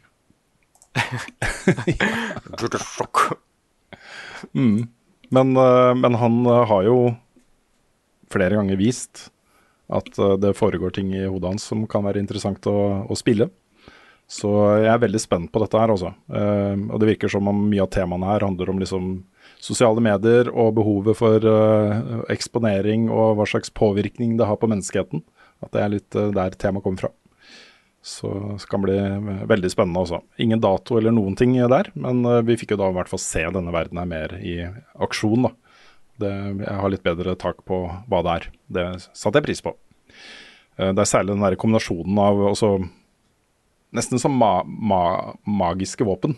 Også den har elementer av liksom sjokk eller ild eller et eller annet som, som du kombinerer med, med gunpower, ikke sant? Altså med krutt. Ja, der var, det jo, der var det jo prikk likt eh, Bioshock, egentlig. At du Veldig hadde, likt. du hadde magi på den ene handa og våpen i den andre. Mm. Så han stang jo eh, liksom elektrisitet på gulvet, og så sjokka folk, og så skjøt de, og det var masse sanne ting, da. Så jeg fikk veldig følelsen fra, fra Bioshock på det. Um, det ble shadowdroppa et nytt Silent Hill-spill som jeg ikke har fått testa, da. For det hadde ikke blitt uh, tilgjengelig på PlayStation Store her, i hvert fall, det, før jeg la meg. Uh, Silent Hill, The Short Message. Gratis. Um, jeg har ikke helt fått med meg hva det spillet er, for det virker som en, liksom en smakebit på noe, eller at det skal komme mer. Kanskje litt sånn shareware, du får første kapittelet gratis må betale for resten. Jeg vet ikke. Eh, har dere sett nærmere på det? Nei, for jeg fant det heller ikke på storen. Nei, Nei det, det var visst ikke tilgjengelig med en gang etter, etter uh, Directen, eller State of Play. Så jeg vet ikke. Det er eh, litt mystisk. Kanskje det er en sånn PT-situasjon? Det så litt sånn ut, at mm, jenta som var her, plutselig var i en annen dimensjon eller et eller annet. Mm. Eh, jeg syns det var litt fett at du også brukte den mobiltelefonen til å lyse opp og sånn. Mm. Altså, det er noe det, det, det virker spennende. Ja, jeg også ble veldig intri- intrigued av eh, den traileren du viste fram på State of Play. Det, det så genuint skummelt ut. Og fikk også, som du sier, Nick, veldig PT-vibber av det. Det gjorde jeg, altså. Eh, vi fikk da også eh, se en ny trailer fra Silent Hill 2-remaken. Og det kan bli liksom like Gjøre like mye impact som det eh, Resident Evil 4 gjorde. Dette er jo de to store survival horror-seriene fra PlayStation 1 og 2-æraen. Mm.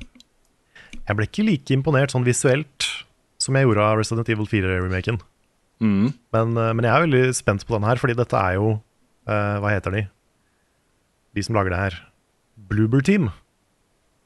De har jo laga OK spill før, Mm. men de har ikke laga noen sånne skikkelig slagere. Så det er, en, det er en, et stort ansvar å få Silent Hill 2. Ja, Now's the time, ikke sant? Ja, klarer de å step up to the plate, eller, eh, eller går det ikke? Det blir spennende å se. Et annet spill som så veldig veldig skummelt ut er Metro Awakening VR til eh, PlayStation 2 VR, eh, som kommer da i, i løpet av året. Andreas var eh, veldig gira. Han var det. Jeg skal ikke spille det. det så altfor skummelt ut.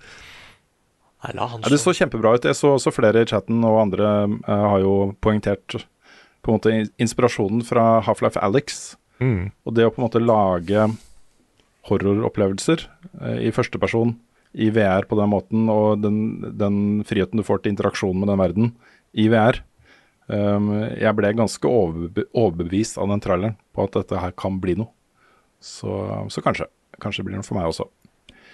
Vi fikk også se en uh, helt ny trailer fra Dragons Dogma 2, som lanseres i slutten av mars. Um, litt sånn um, uh, mette sulten etter uh, Elden Ring-abstinenser-type vibes rundt det spillet. Men det ser bra ut, da. Jeg syns det. Mm. Og det Jeg har tenkt så lenge at jeg må få spilt det første. Ja. Mm. Du har spilt det første, Nick. Mm. Hva tror du om uh, toeren? Uh, det som gjør meg litt sånn Jeg, jeg tror ikke du trenger å spille det første. Uh, for dette ser ut som Enten så er det noe shenanigans som har skjedd i historien, eller så er det en annen timeline. Jeg er litt usikker, for det skjer, ganske, det skjer noen ting i det første som gjør at spill nummer to på en måte ikke kan funke i den samme timelinen. Så jeg tror de er litt separert. Men det ser egentlig bare ut som at eh, Det ser ut som de både har liksom utvida på de systemene som det spillet var kjent for, men at vi også bare har fått et mye mye bedre godt laga Dragon's Dogma. At liksom Bedre teknologi og sånn, og ting ser smoothere ut. og det, det er egentlig det som er den aller største tingen. Jeg ville bare ha en mye mer forbedra og fungerende versjon av det spillet. Eh, de snakka også om en ny klasse, da. Den stresser meg litt. En klasse som kan bytte våpen på sparket og sånn. Mm. Det gjør meg litt usikker, for jeg liker veldig godt at klassene skal Det å sette sammen et party skal ha litt konsekvenser hvis du setter det litt feil, ikke sant? Hvis det er noen som Hvis du møter på monstre sånn som du ikke er helt egna for å slåss mot. Så jeg litt Jeg må lese litt mer om den. Men ellers så er jeg Det ble bare- min, det ble min nye favorittklasse, da, av de jeg har sett. Han hadde, han hadde jo et uh, Kembo-svært eh, sverd, var den ene, ene funksjonen.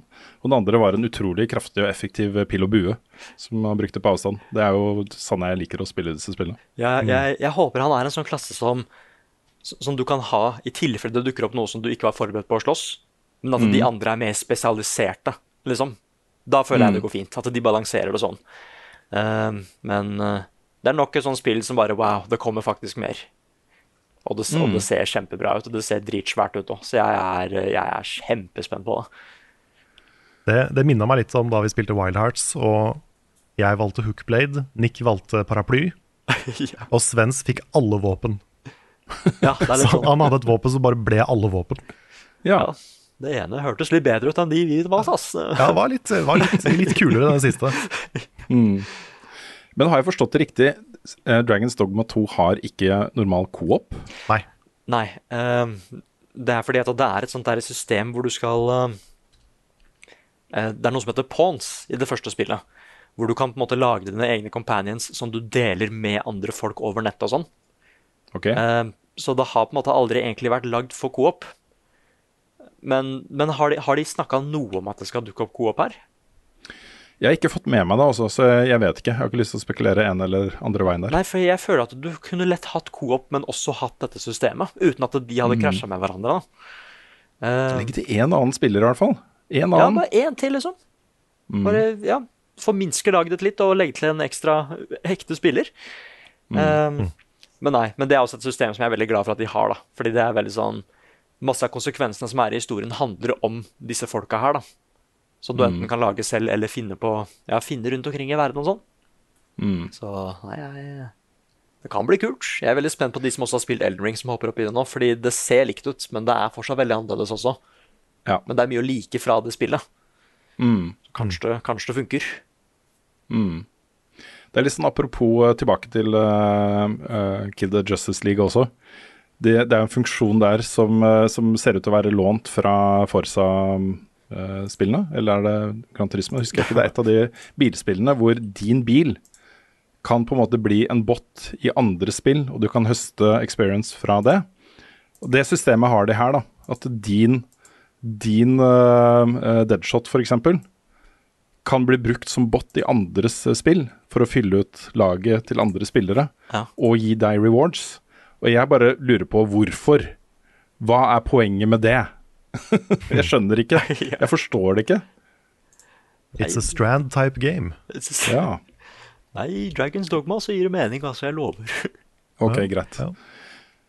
Siste trailer jeg tenkte vi kunne bare snakke litt mer om, uh, før vi bare ramser opp resten, uh, er jo da Rise of the Ronin, som også lanseres jeg tror det er samme dag som Dragons Dogma, 22. mars. oh, herregud.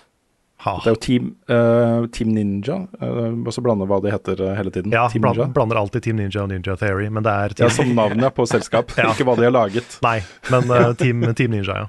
Ja. Eh, hva syns dere om det nå? Jeg hadde egentlig forventa meg en litt sånn seigere opplevelse.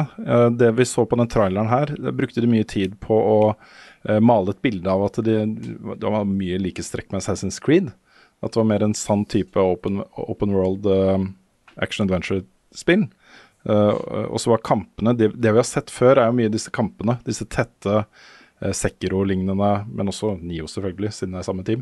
Eh, med mye eh, counters og uh, seter opportunities og eh, utnytte eh, ustabile eh, altså, eh, Motstanderen blir sånn ustabil i et øyeblikk, så får du en spesiell mu eh, mu- eh, mulighet til å angripe dem på, osv.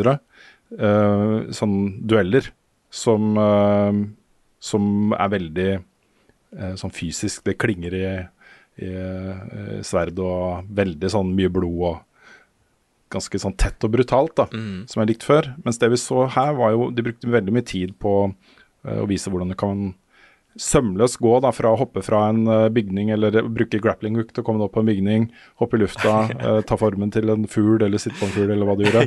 Ned på bakken, og så bare spåner du en hest umiddelbart. Ja. Og så Det var veldig sånn flytende bevegelse i en stor, åpen verden. Ja, jeg, Um, jeg var spent på å liksom ja. se litt den realistiske delen, ja. Når de gikk rundt i verden, og så bare hopper han opp sånn tre meter opp i lufta og bare begynner å fly. Han sånn. aktiv, aktiverer Da Vinci, liksom, med den der Ja, ja, ja. dragen. Ja, det var jo selvfølgelig en glider. Ja. En sånn fuglelignende glider han brukte, selvfølgelig. Stemmer. Jeg, eh, jeg, jeg syns altså det, er jo en, en, det er jo et bevisst valg de har tatt, da. Den visuelle stilen her, som er litt sånn grå og kald. Uh, mye mørke toner. Det er ikke sånn fargesprakende uh, Ghost of Sushima-verden, dette er. Dette er uh, dystrere, tyngre, mørkere Mm. osv. Det så nesten litt sånn washed out ut for meg Ja, da, på den videoen. det var noe sånn eh, litt sånn flatt med det. Ak akkurat som at Mm. ikke de hadde lagt inn skyggen ordentlig. Og, på en måte. Mm, Men jeg tror det er et ganske bevisst valg, altså. Eh, Det, kanskje en litt sånn krangling det har hatt. Skal vi gå for Kurosawa-mode, eller skal vi gå for uh, litt mer sånn fargesprakende? Altså nei, vi møtes på midten, da. eller noe. Jeg vet ikke.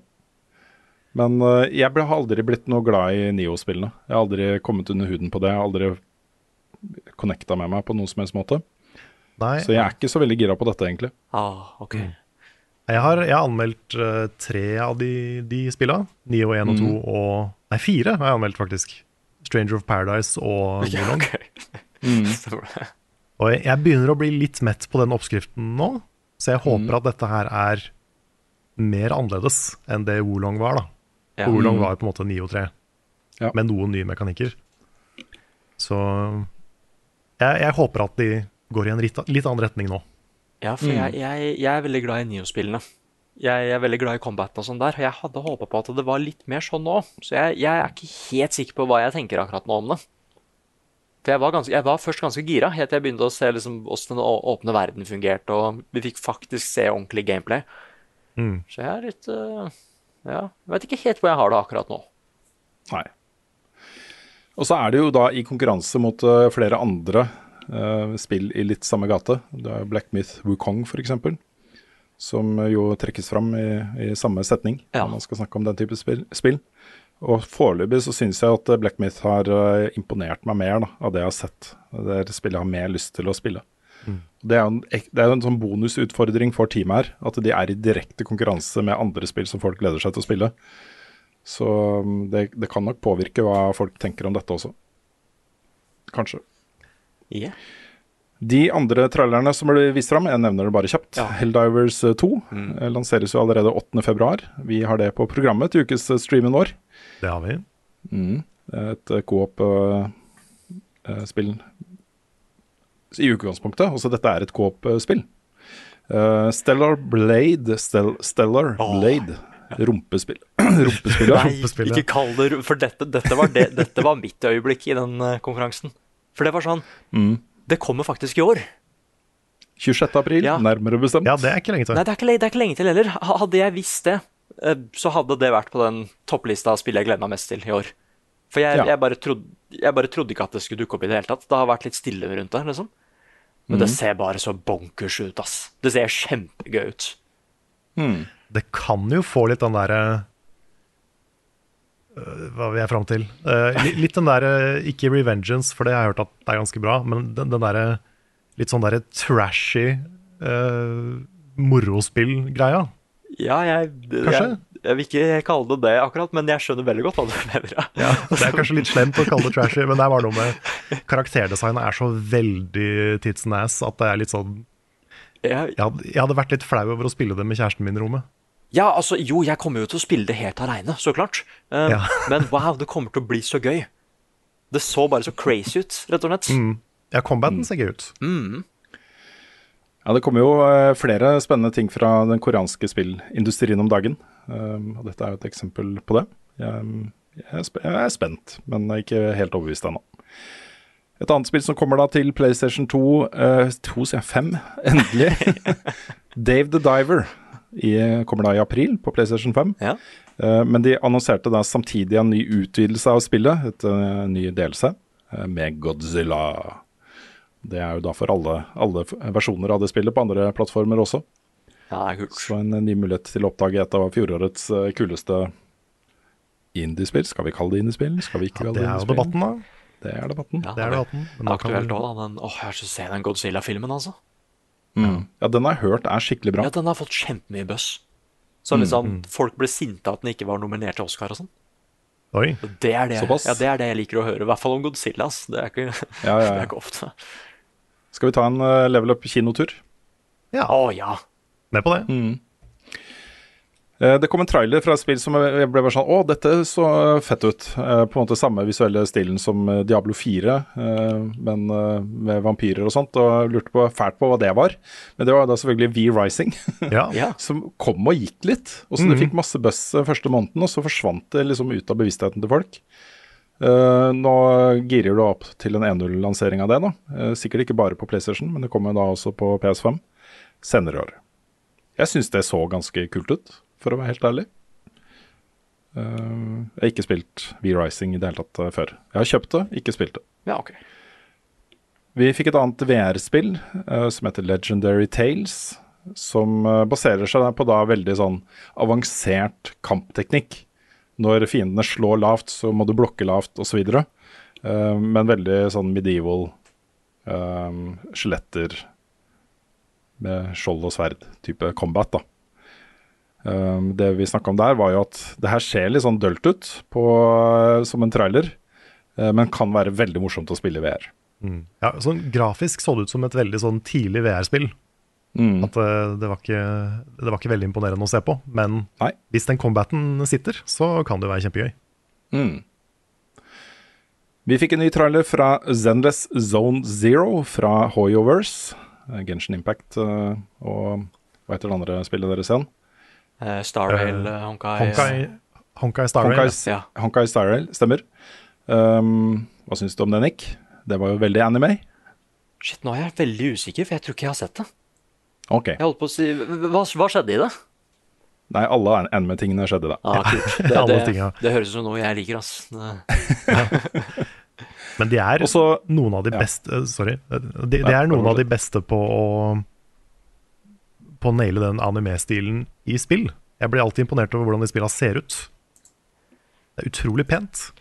mm, jeg driver og ser gjennom det her nå. Det, ja, det Akkurat det jeg forventa, egentlig. Og det, det ser jo litt kult ut, da. Det gjør jo det, da.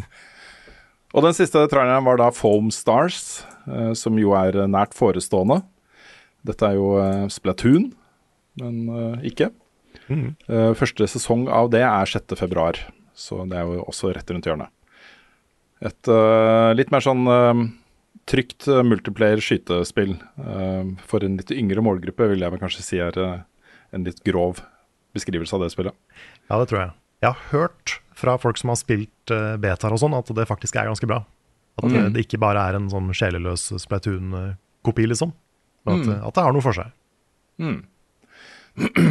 Um, vi vet også hva Carl skal gjøre den 6. februar, og det er å holde seg veldig langt i internett. Kanskje gå på kino eller date, eller Ja, et eller annet sove, se på TV-serier. eh, For da er det nemlig en egen State of Play for Final Fantasy 7 Rebirth. ja.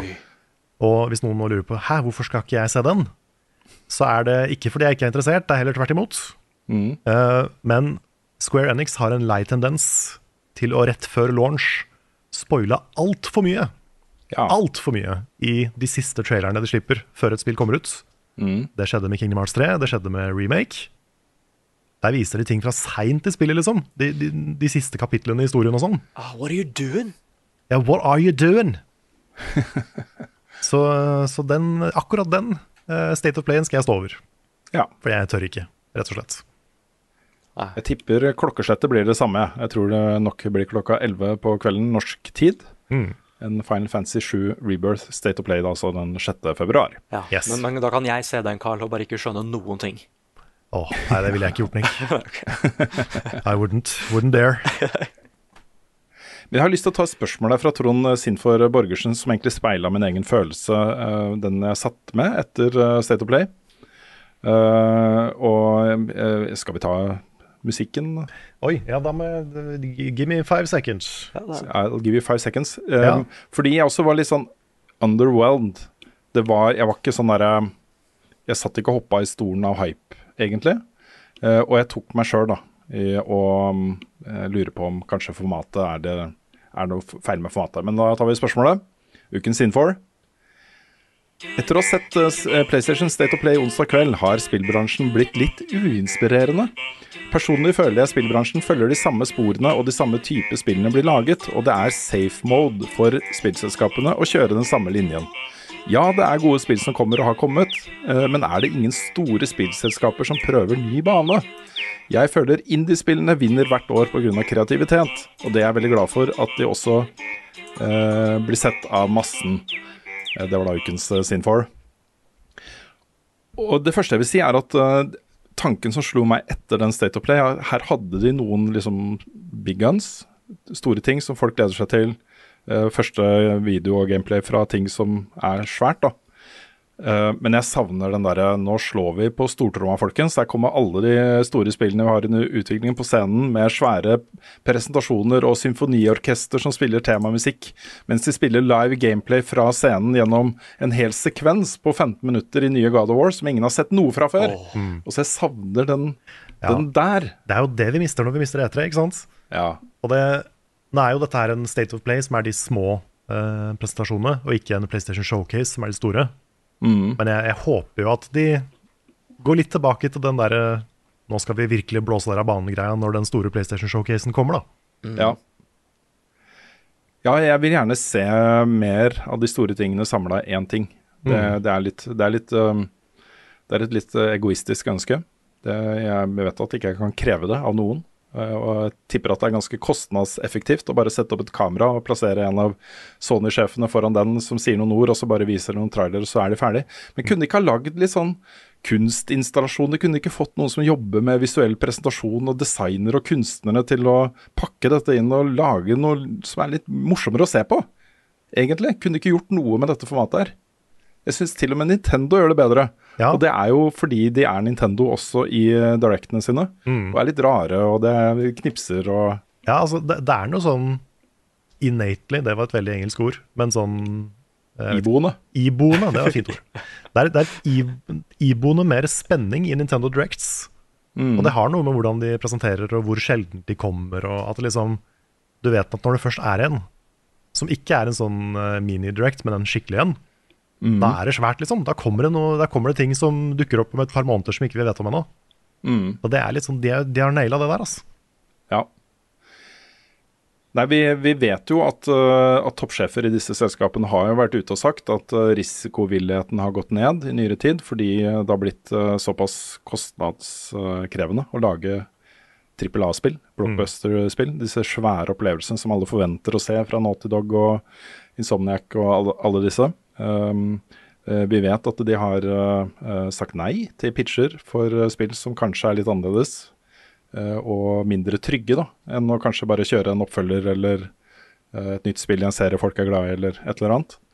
Um, og de overlater jo da eh, ansvaret for innovasjon og videreutvikling av mediet i, i større grad da, til indie-selskaper og tredjepartsutviklere. Eh, som Trond, Trond sier også, så har jo mange av de tatt det ansvaret. Og vi ser jo masse innovasjon. Og flere av de største og beste spillopplevelsene i fjor var jo fra uavhengige tredjepartsselskaper som våger å ta litt risiko og prøver å pushe litt grenser og gjør ting på litt nye måter. Mm. Uh, Alan Wake 2 f.eks., eller uh, Boulder Skate 3.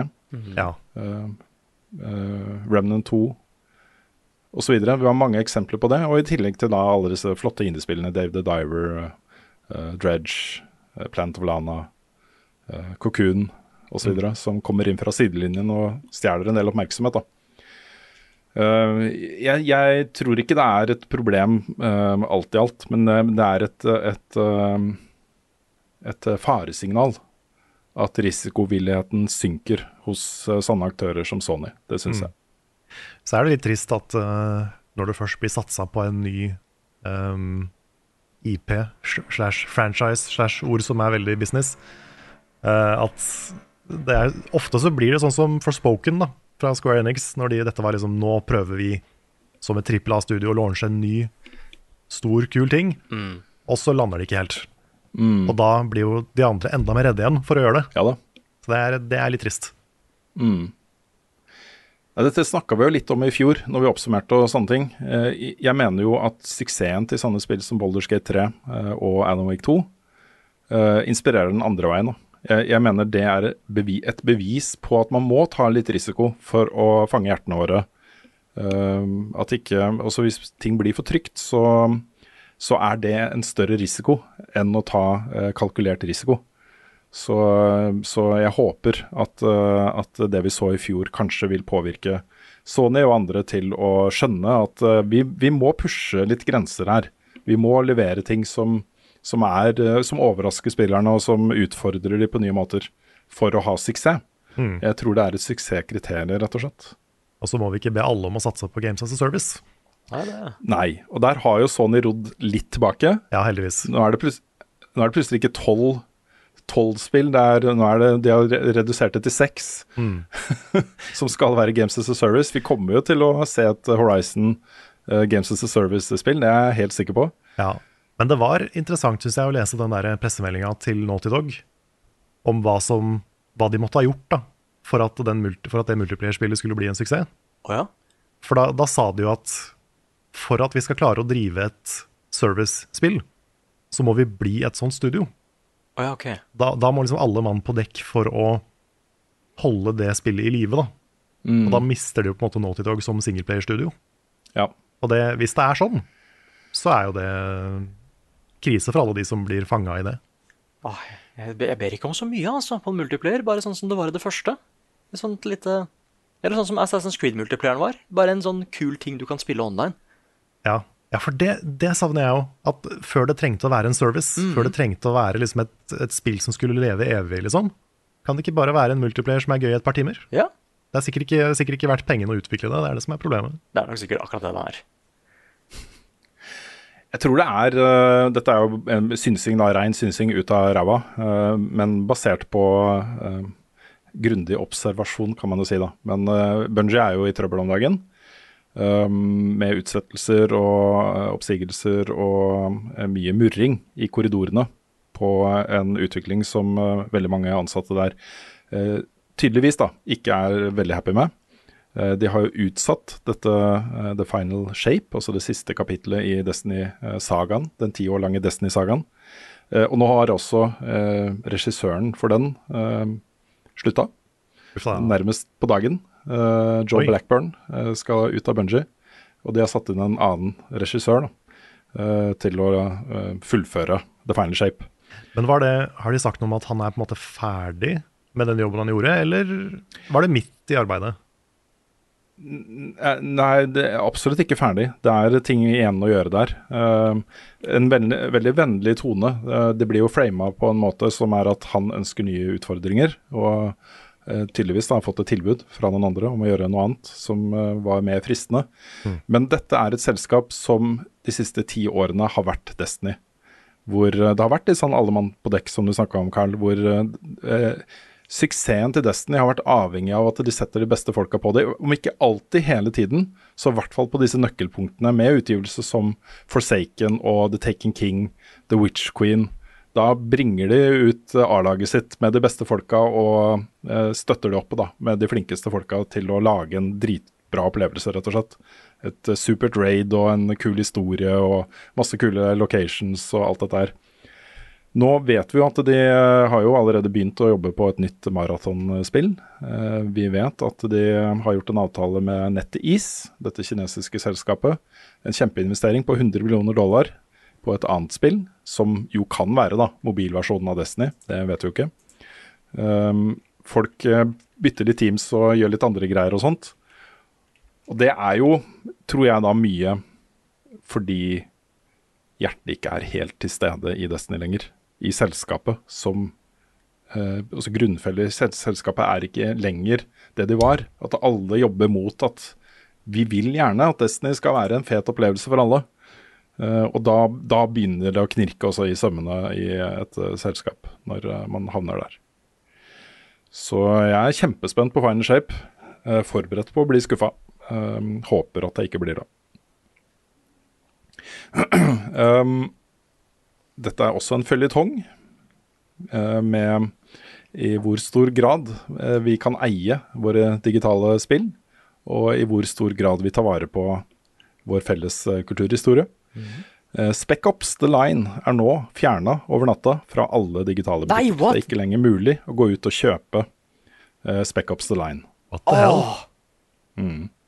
Hvis du eier det fra før, jeg har det i biblioteket mitt på Steam, så kan jeg laste det ned s- eh, så lenge det ligger på en server et sted. Mm. Um, men um, hvis du hører da, snakk om Spec Ops The Line i dag, og folk har- snakker om at det er en veldig spennende måte å eh, studere eh, fenomenet krig på, at man eh, utfordrer spillerne med, med- ganske vanskelige moralske og etiske valg og opplevelser, og får lyst til å se hva dette er for noe, så Nei, du må finne en fysisk kopi et sted. brukt eller et eller annet, eller du må pratkopiere. det. det ikke, du kan ikke gå ut og kjøpe det digitalt lenger. Men jeg, det, det var det, Jeg har jo ikke skaffa det ennå. Nei. Damn. Det var teit. Du har de- Synd for deg. Ja, For du har ikke fått gifta på Steam eller sånt noen gang? Jeg tror ikke det. Nei, Var det okay. noe beskjed om at det skulle skje, eller bare skjedde det? Det skjedde over natta. Ja. Det var Folk oppdaget det, og så kom det jo en uttalelse uh, om at ja, det stemmer.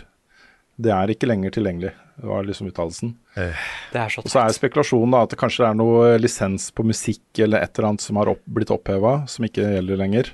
At det blir for dyrt å holde det tilgjengelig, rett og slett. At du må fornye lisensen og betale masse penger for å fortsatt få lov til å bruke den musikken, eller et eller annet. da. Ja. Ja. Um, Men var det noe sånt i det spillet? Jeg husker ikke. Nei, jeg kan ikke huske det. Nei, det er dårlig, ass. Jeg holdt på å si eh, Til og med Vet du hva? Til og med det derre Fast and the Furious-spillet som jeg ellers spiller på streamen, det sa i hvert fall ifra at det kommer til å forsvinne. Ja. I det minste, liksom. Ja. Ja. Nei, det er jo veldig synd å miste et sånt spill. Fordi altså, det, du kan jo Det er ikke sikkert det er like relevant å spille i dag som da det kom. Fordi det er veldig mange spill etterpå som har gjort en del av de samme tinga muligens bedre. Sånn som uh, ting Det er jo ting som skjer i The Last of Us Part 1 og 2 som kanskje har tatt litt inspirasjon fra Spec-Ops i hvordan det putter deg i situasjoner som er ubehagelige og sånn. På en måte som COD og andre eh, krigsskytespill ikke gjør, da. Så det var jo veldig sånn ehm, viktig da det kom. Ja, og spillet igjen var, er jo veldig inspirert av eh, Apokalypse nå, og sikkert eh, mye annen, sånn, særlig Vietnamkrigen. Ja, Eh, Heart of og- Darkness, er ikke det også en av de Ja, Heart of Darkness er jo historien om, om um, eh, Det var jo det den het, den uh, historien om utviklingen av filmen 'Apokalypse nå'. Ja, riktig, det er sånn det var. Det er sånn det var. Så mm. de møtte jo på mange av de samme, om ikke akkurat det samme, så i hvert fall uh, det var det ting og tang som skjedde på uh, settet der, som gjorde produksjonen av den filmen ganske problematisk på mange, mange plan. Så um, ja. Nei, det er, det er synd å miste spillhistorie på den måten her.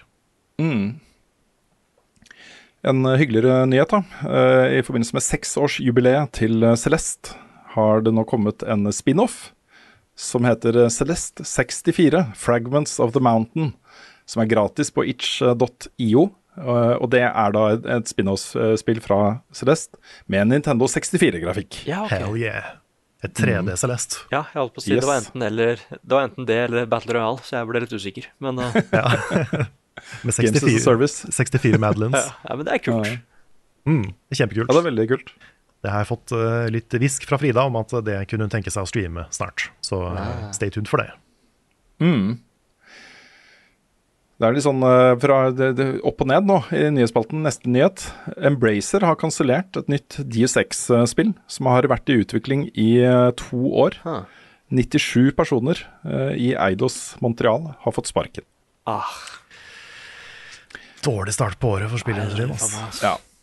Dette er jo en av veldig mange historier du ser overskriftene på historier om nå. Det skjer overalt. Det er massevis av selskaper som eh, sparker eh, Det ser ut som over fjøla, rundt 10 av, eh, av ansatte i masse selskaper nå eh, får rett og slett sparken. Også. Jeg tror vi nevnte det i forrige episode av podkast nå, men det er jo over halvparten allerede av de som fikk sparken i 2023, Mm. i antall. Og, det, og bare 2023-antallet var sjokkerende, liksom. Det var sjokkerende. Så det blir jo enda verre i år, tydeligvis. Mm. Så er det noe ekstra du vet de har jobba med det i to år. Og DU6 er ikke en liten ting. Dette er et sånn type nytt, et nytt DU6-spill er det mange som kunne tenke seg å spille. Dette er jo det samme studio som lagde um, Hva heter det? DU6 uh, Human Mankind Divided Mankind Divided. eh, Ja, de, ja. Et eller annet. Mm. Something Something. som jo var et bra spill, liksom. Jeg likte det. Mhm. Ja, det, Så det ikke, var uh, synd. det er vel ikke første gang engang at et uh, svært DU6 har blitt kansellert etter flere år. Det husker jeg ikke. Jeg mener å huske at det har skjedd flere ganger. Mm. Det er en litt sånn cursed serie nå. Mm. Det er heller ikke lenge til uh, Skull and Bones faktisk skal lanseres, folkens. Det, er, det har blitt utsatt mange ganger, det. Og der er det jo også masse rykter om å snakke om. Eh, mye misnøye på team, og eh, de eh, lukka testene de har hatt, eh, har ikke gått så bra, og det har vært mye greier der. Eh, men nå lanseres det 16.2, og jeg ble veldig glad for å se at det spillet det skal faktisk da ha en åpen beta. Du vil kunne teste selv da om dette er noe for deg, eh, fra 8. til 12. Så rett før lansering så, så gir du da ut en åpen beta, eh, hvor man selv da kan gjøre opp en mening om dette er verdt å bruke tid og penger på eller ikke. Det satte jeg pris på. Eh, bare det ikke er sånn at du må faktisk kjøpe spillet da, for å få tilgang til betaen. Um, da, da er jeg ikke fullt så happy. Nei, nei men hvis det nå faktisk er bra, etter alle de Mm. utsettelsene og all den kritikken, så er det jo veldig smart med en åpen beta. For, for Mm. å bare sånn se, se, folkens, nå har vi fiksa det. Mm. Det er eh, sant. 16.2 lanseres det. det er, noen skulle, burde ha en sånn ukelang stream hvor det hadde vært kult å gjøre en test av Skull and Bones på den Ja. ukesstreamen. Det burde noen gjøre. At ikke noen har tenkt på en ukestream. Ja. Jeg syns vi bør eh, spille det på streamen. Jeg syns vi bør eh, sette av litt eh, tid til det. Mm. Men er det fortsatt, den er fortsatt åpen da? Ja, da lanseres det. 16.2 lanseres oh, ja, det. det er, ok, jeg skjønner. Mm. Så da er det i butikk, i salg. Ja, da er det forhåpentligvis åpent. Det vil jeg tro. Eh, med mindre uh, du får eh, fullført alle trophies og hele historien eh, umiddelbart da, når du Mm. åpner spillet og du må skru av serverne mens de jobber med det. Skulle tatt seg ut om det skjedde med et spill. Og så har jeg bare lyst til å nevne én ting, um, egentlig altfor kjapt. da. Dette er et tema som krever omtanke og refle- refleksjon og grundig arbeid. Det er ikke noe jeg kan bare fare over egentlig, da, på sånn kjapt. Uh, men jeg sitter og spiller The Last of Us Part 2 om dagen, og det er en veldig veldig direkte link til det som skjer mellom Israel og Palestina i det spillet. Jeg skal ikke spoile noe, men det er en konflikt da, mellom to grupperinger i spillet. Den ene heter WLF, og den andre kalles Seraphites. Um, og den konflikten mellom de to hadde såpass mange linker mellom det som foregår nå, det, alt det grusomme som skjer på Gaza akkurat nå, at jeg ble sånn Dette kan jo ikke være tilfeldig. Og så følte jeg meg litt smart da, som tok den koblingen. Uh, men så gikk jeg på internett, og det har jo bl.a. Uh, Vice, magasinet Vice, skrevet en utrolig bra artikkel om. Disse direkte koblingene mot konflikten mellom Israel og Palestina. Og selvfølgelig så er jo Neil Druckmann han er jo født og oppvokst på Vestbredden. og går litt gjennom den samme reisen som Owen gjør da, i The Last of Us Part 2, med den der refleksjonen rundt hvor han kommer fra, og hvordan hans syn på konflikten har blitt forma av hvor han er født og oppvokst og, og den type ting. Jeg skal ikke gå i detalj på dette, her, jeg har lyst til å gjøre det. Jeg syns dette er, er det viktig å snakke om, ikke minst fordi uh, det som skjer på Gaza nå, uh, den humanitære katastrofen som allerede har skjedd, og som ser ut til å bli mye verre. De har ikke tilgang på mat og helsehjelp eller noen ting. Det er grusomt. Um, men jeg hadde lyst til å ta det med likevel, for å på en måte tipse folk om at dette elementet er i The Last of Us Part 2. Hvis du sitter og spiller denne remastered versjonen som er ute nå, så ta et ekstra uh, uh, pusterom i disse sekvensene når du kommer dit, uh, og ta det som en, en oppfordring til å, til å um, sette seg litt mer inn i den virkelige konflikten. Jeg syns dette er en veldig interessant og spennende måte å løfte blikket fra underholdningsmediet dataspill og se at eh, det eksisterer ikke et vakuum. Det kommer fra et sted. Eh, det prøver å formidle eh, både viktige personlige ting, i dette tilfellet Neil Druckmann, Mm. men også viktige eh, betraktninger om ekte konflikter, ekte situasjoner, ekte menneskeskjebner Ja. som, eh, som er viktige i verden i dag. Ja, fordi dette er jo ikke bare en tolkning, på en måte. Det er jo Det kommer jo fra Neil Druckmann. Ja, han har vært Han har uttalt sagt at dette er en parallell som er bevisst. Det har han sagt i intervjuer, ja. Ja. Og det, er, det er sånn det er litt dårlig at jeg ikke har fått med meg alle de tingene tidligere. Um, jeg har på en måte sett dette mye som en generell betraktning av hvordan to grupperinger, også to motstandere i en krig eller en konflikt, ser på hverandre. Og hvordan de kan bli drevet til ytterste konsekvens av en generell holdning i på en måte et helt samfunn, da, og en, eh, ikke minst hos toppledelsen um, i et samfunn, og generaler og ledere og sånne ting. Og det er det også. The Last of Us Part 2 er også det. Men at det har en så direkte link til en så direkte uh, og vond konflikt, um, syns jeg er interessant. da. Så det er mulig at vi kommer tilbake til akkurat dette uh, seinere, fordi jeg syns dette er um, dette er både spennende og vondt, eh, men viktig å, å snakke litt om. det. Mm. Det er også det jeg har mye respekt for med uh, The Last of Us Part 2. At det, det tør å putte deg i situasjoner du ikke vil være i, ganske ofte. Mm. Det, det er Ja. et sånn gjennomgående tema i det spillet. At du, du blir satt til å gjøre ting og styre personer som du kanskje egentlig er litt motvillig til å gjøre. Mm. Og det, det er noe med, det, med spill sin, uh, sitt potensial for å vekke empati, som Mm. jeg syns er litt spennende. Sånn, Ja. film blir kalt empatimaskiner, men spill kan kanskje i enda større grad være det hvis det blir brukt riktig. da. Mm. At du får føle på kroppen en opplevelse du ikke ville hatt i virkeligheten. Mm. Så der er det noe som er veldig spennende.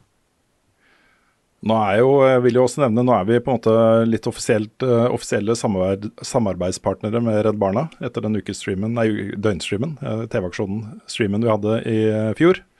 Eh, og jeg vil jo oppfordre folk da, som, eh, som eh, har sympati med barn, uskyldige, som blir ramma av den konflikten her, og som står nå foran en sultkatastrofe hvis ikke det gjøres noe, til å bidra. Det, er, det kommer til å ha ekstremt stor betydning for, for mange. Hennes best, hvor var fredag sist? Har Carl egentlig sopp? Ukens spørsmål. Og som alltid da, så avslutter vi eh, hver episode med å svare på noen spørsmål. Og det er den delen jeg liker best òg, ikke sant? Og vi har fått inn en del spørsmål denne uka òg. Så da kan vi begynne med et som Rune fant. Hva var det?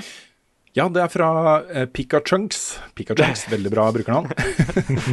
på Discord-serveren vår, som du finner på discord.gg slash levelup Norge. Eh, som spør da Hei sann, gutta folkens. Jeg anser meg selv som en ganske erfaren gamer, men jeg tror ikke at jeg har spilt et norskprodusert spill siden det første Flåklypa Grand Prix-spillet.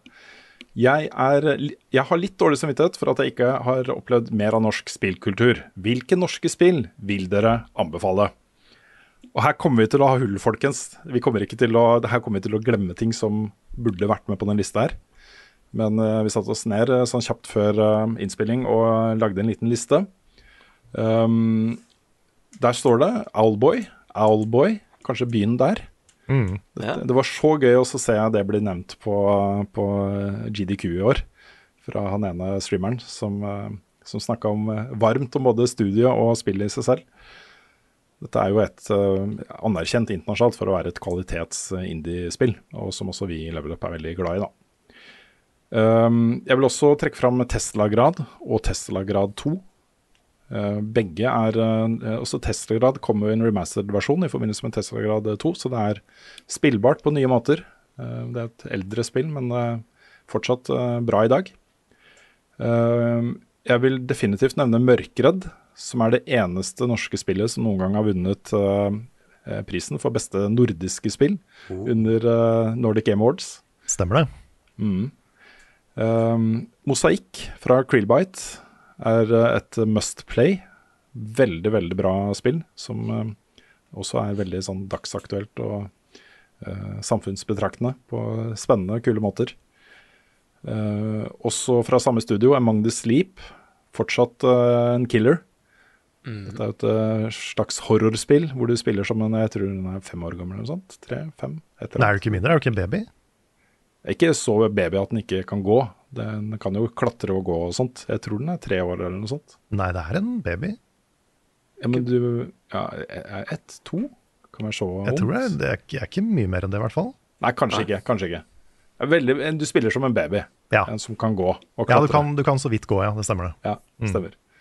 Um, jeg vil også trekke fram Draugen fra Red Thread Games.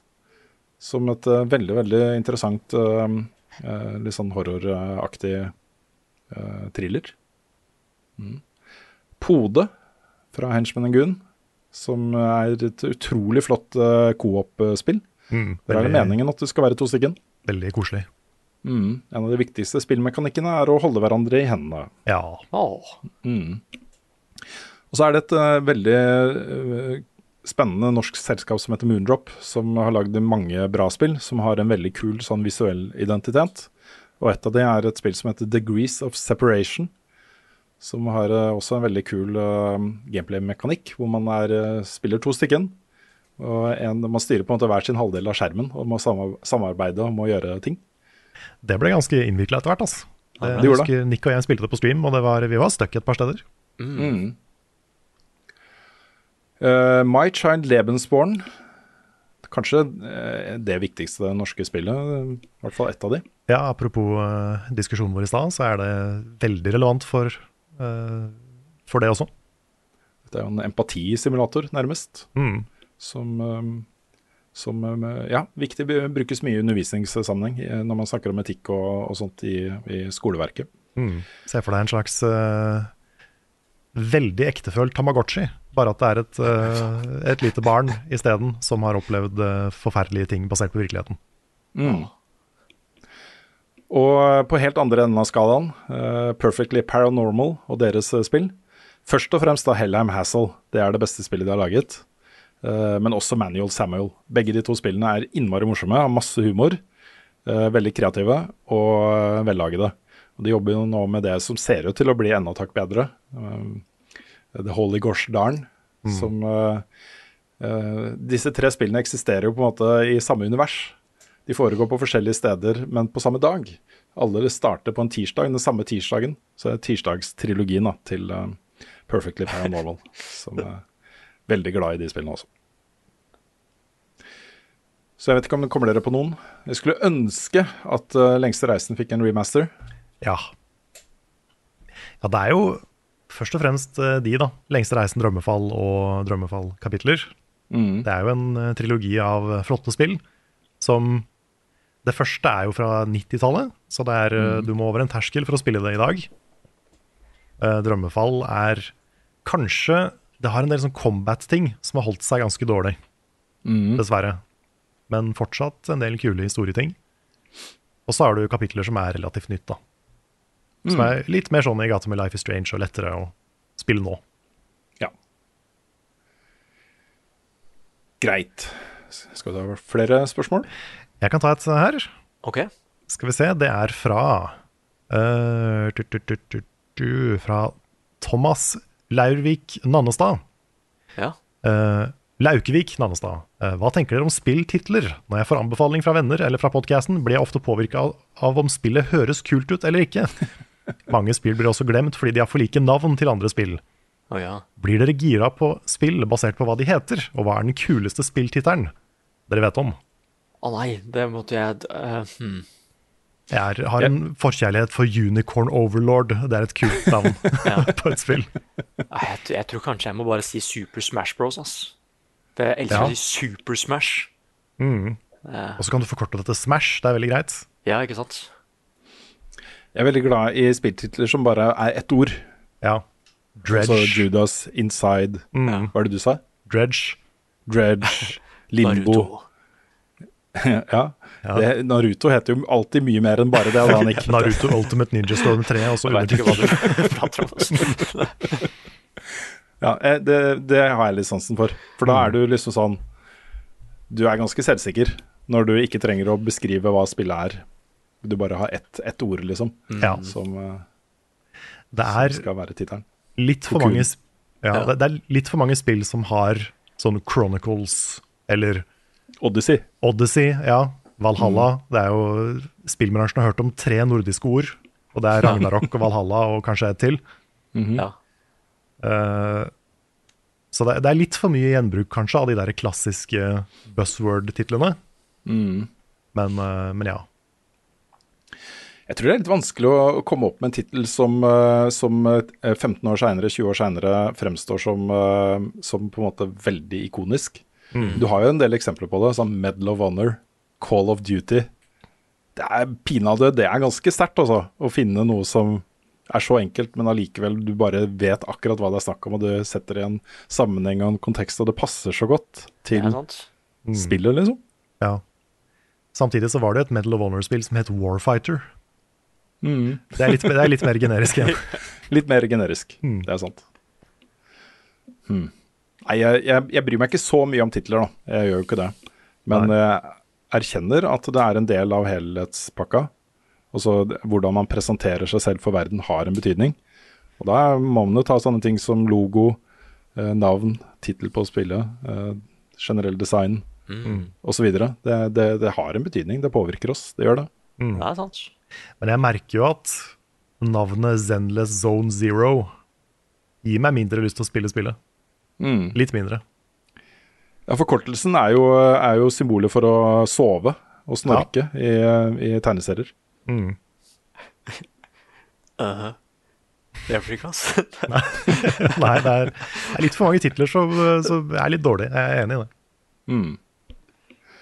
Kan jeg ta en uh, viktig, um, viktig spørsmål til meg her? Ja. Okay. Fra Simen.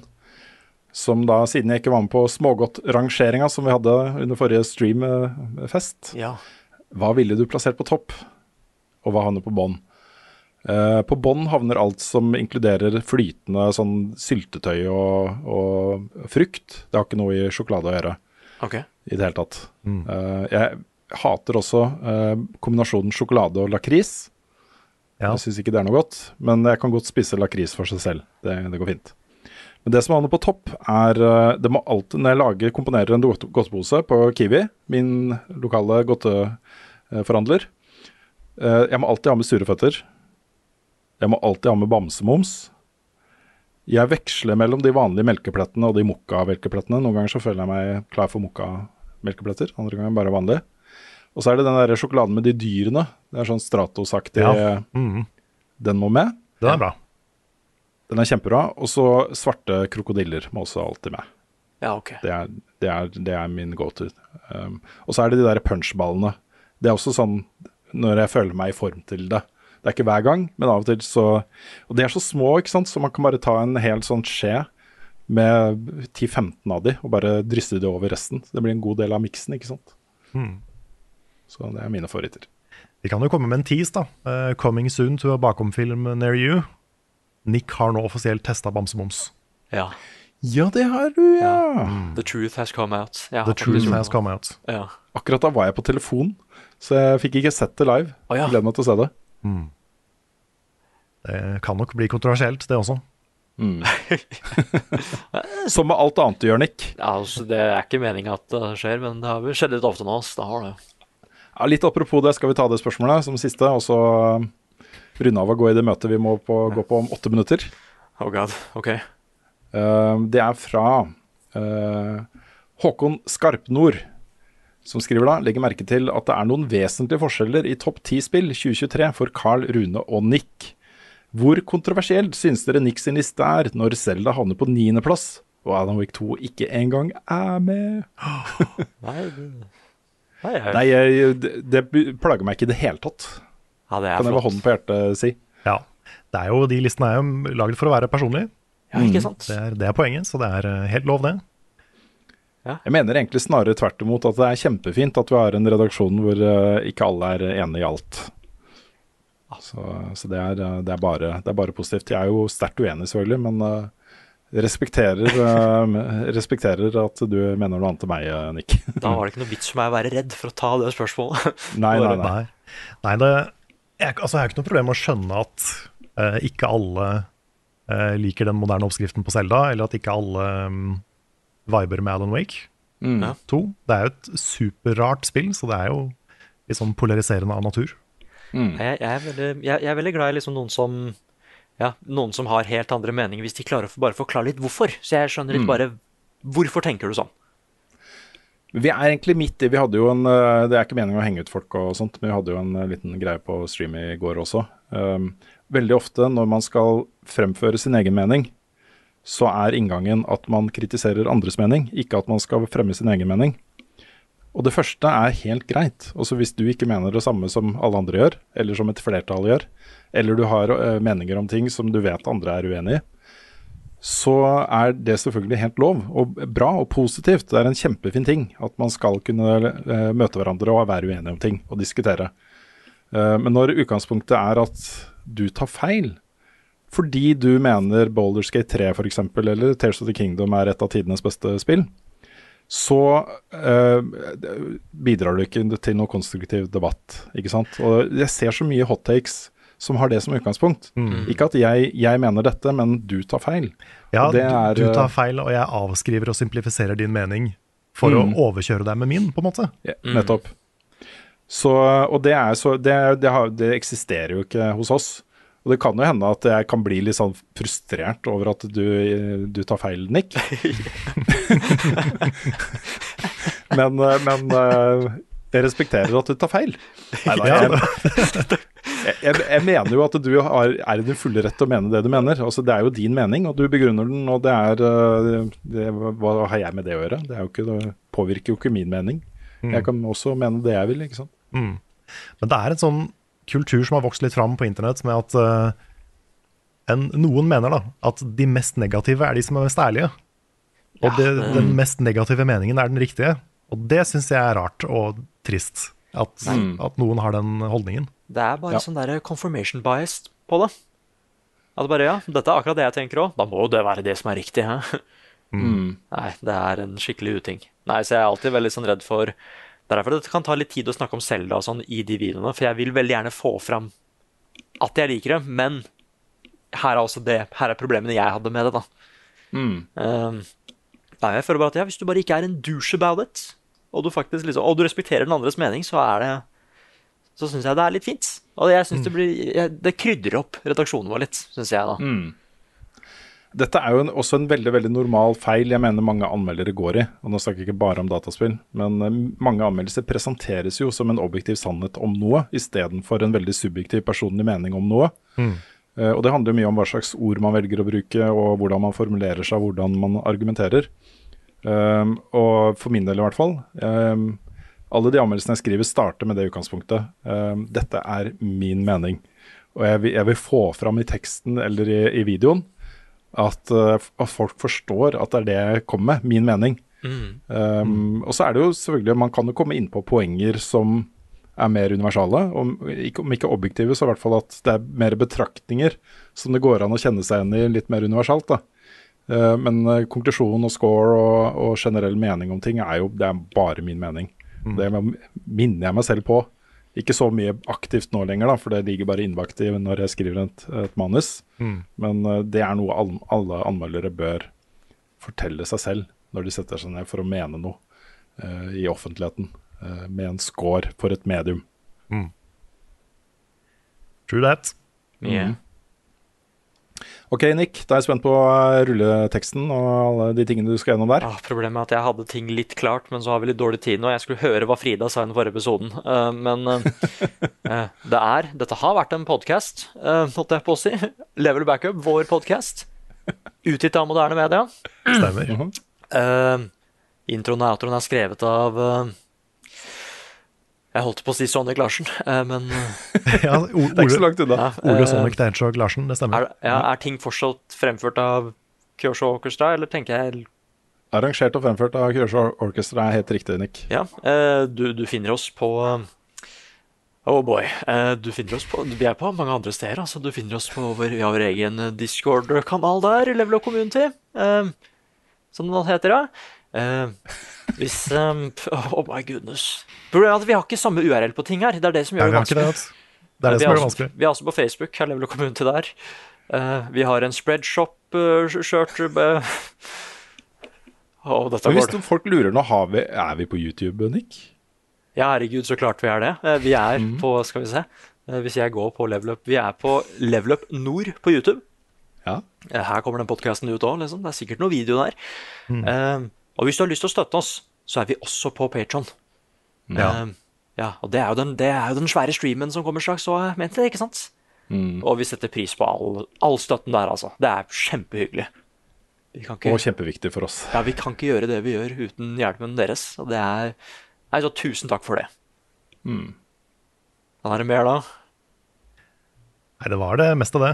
Der føler jeg faktisk ganske bra. ass. Det er sånn, Det er ja, ikke så verst. ja det, Jeg bomma litt her og der, men det er ikke min skyld. Forskjellige navn og sånn. Det er det. Altså, det, er ikke, det er ikke så lett å huske alle de URL-ene på, Nei. på strak arm. Nei, det er akkurat det, ikke sant. Det er ikke det. Men, eh, men Patreon er i hvert fall patreon.com slash levelupnorge. Og YouTube er youtube.com slash levelupnord. Det er derfor det er litt forvirrende. Ja, ok, greit. Ja, men all right. Men da, eh, da var dette skikkelig gøy, dere. Og så snakkes eh, den ordentlige trioen, kanskje? Er det det neste uke? Tror det. Vi tror det. Ja, ok. Vi tror det. Ja. Da snakkes vi i hvert fall neste uke.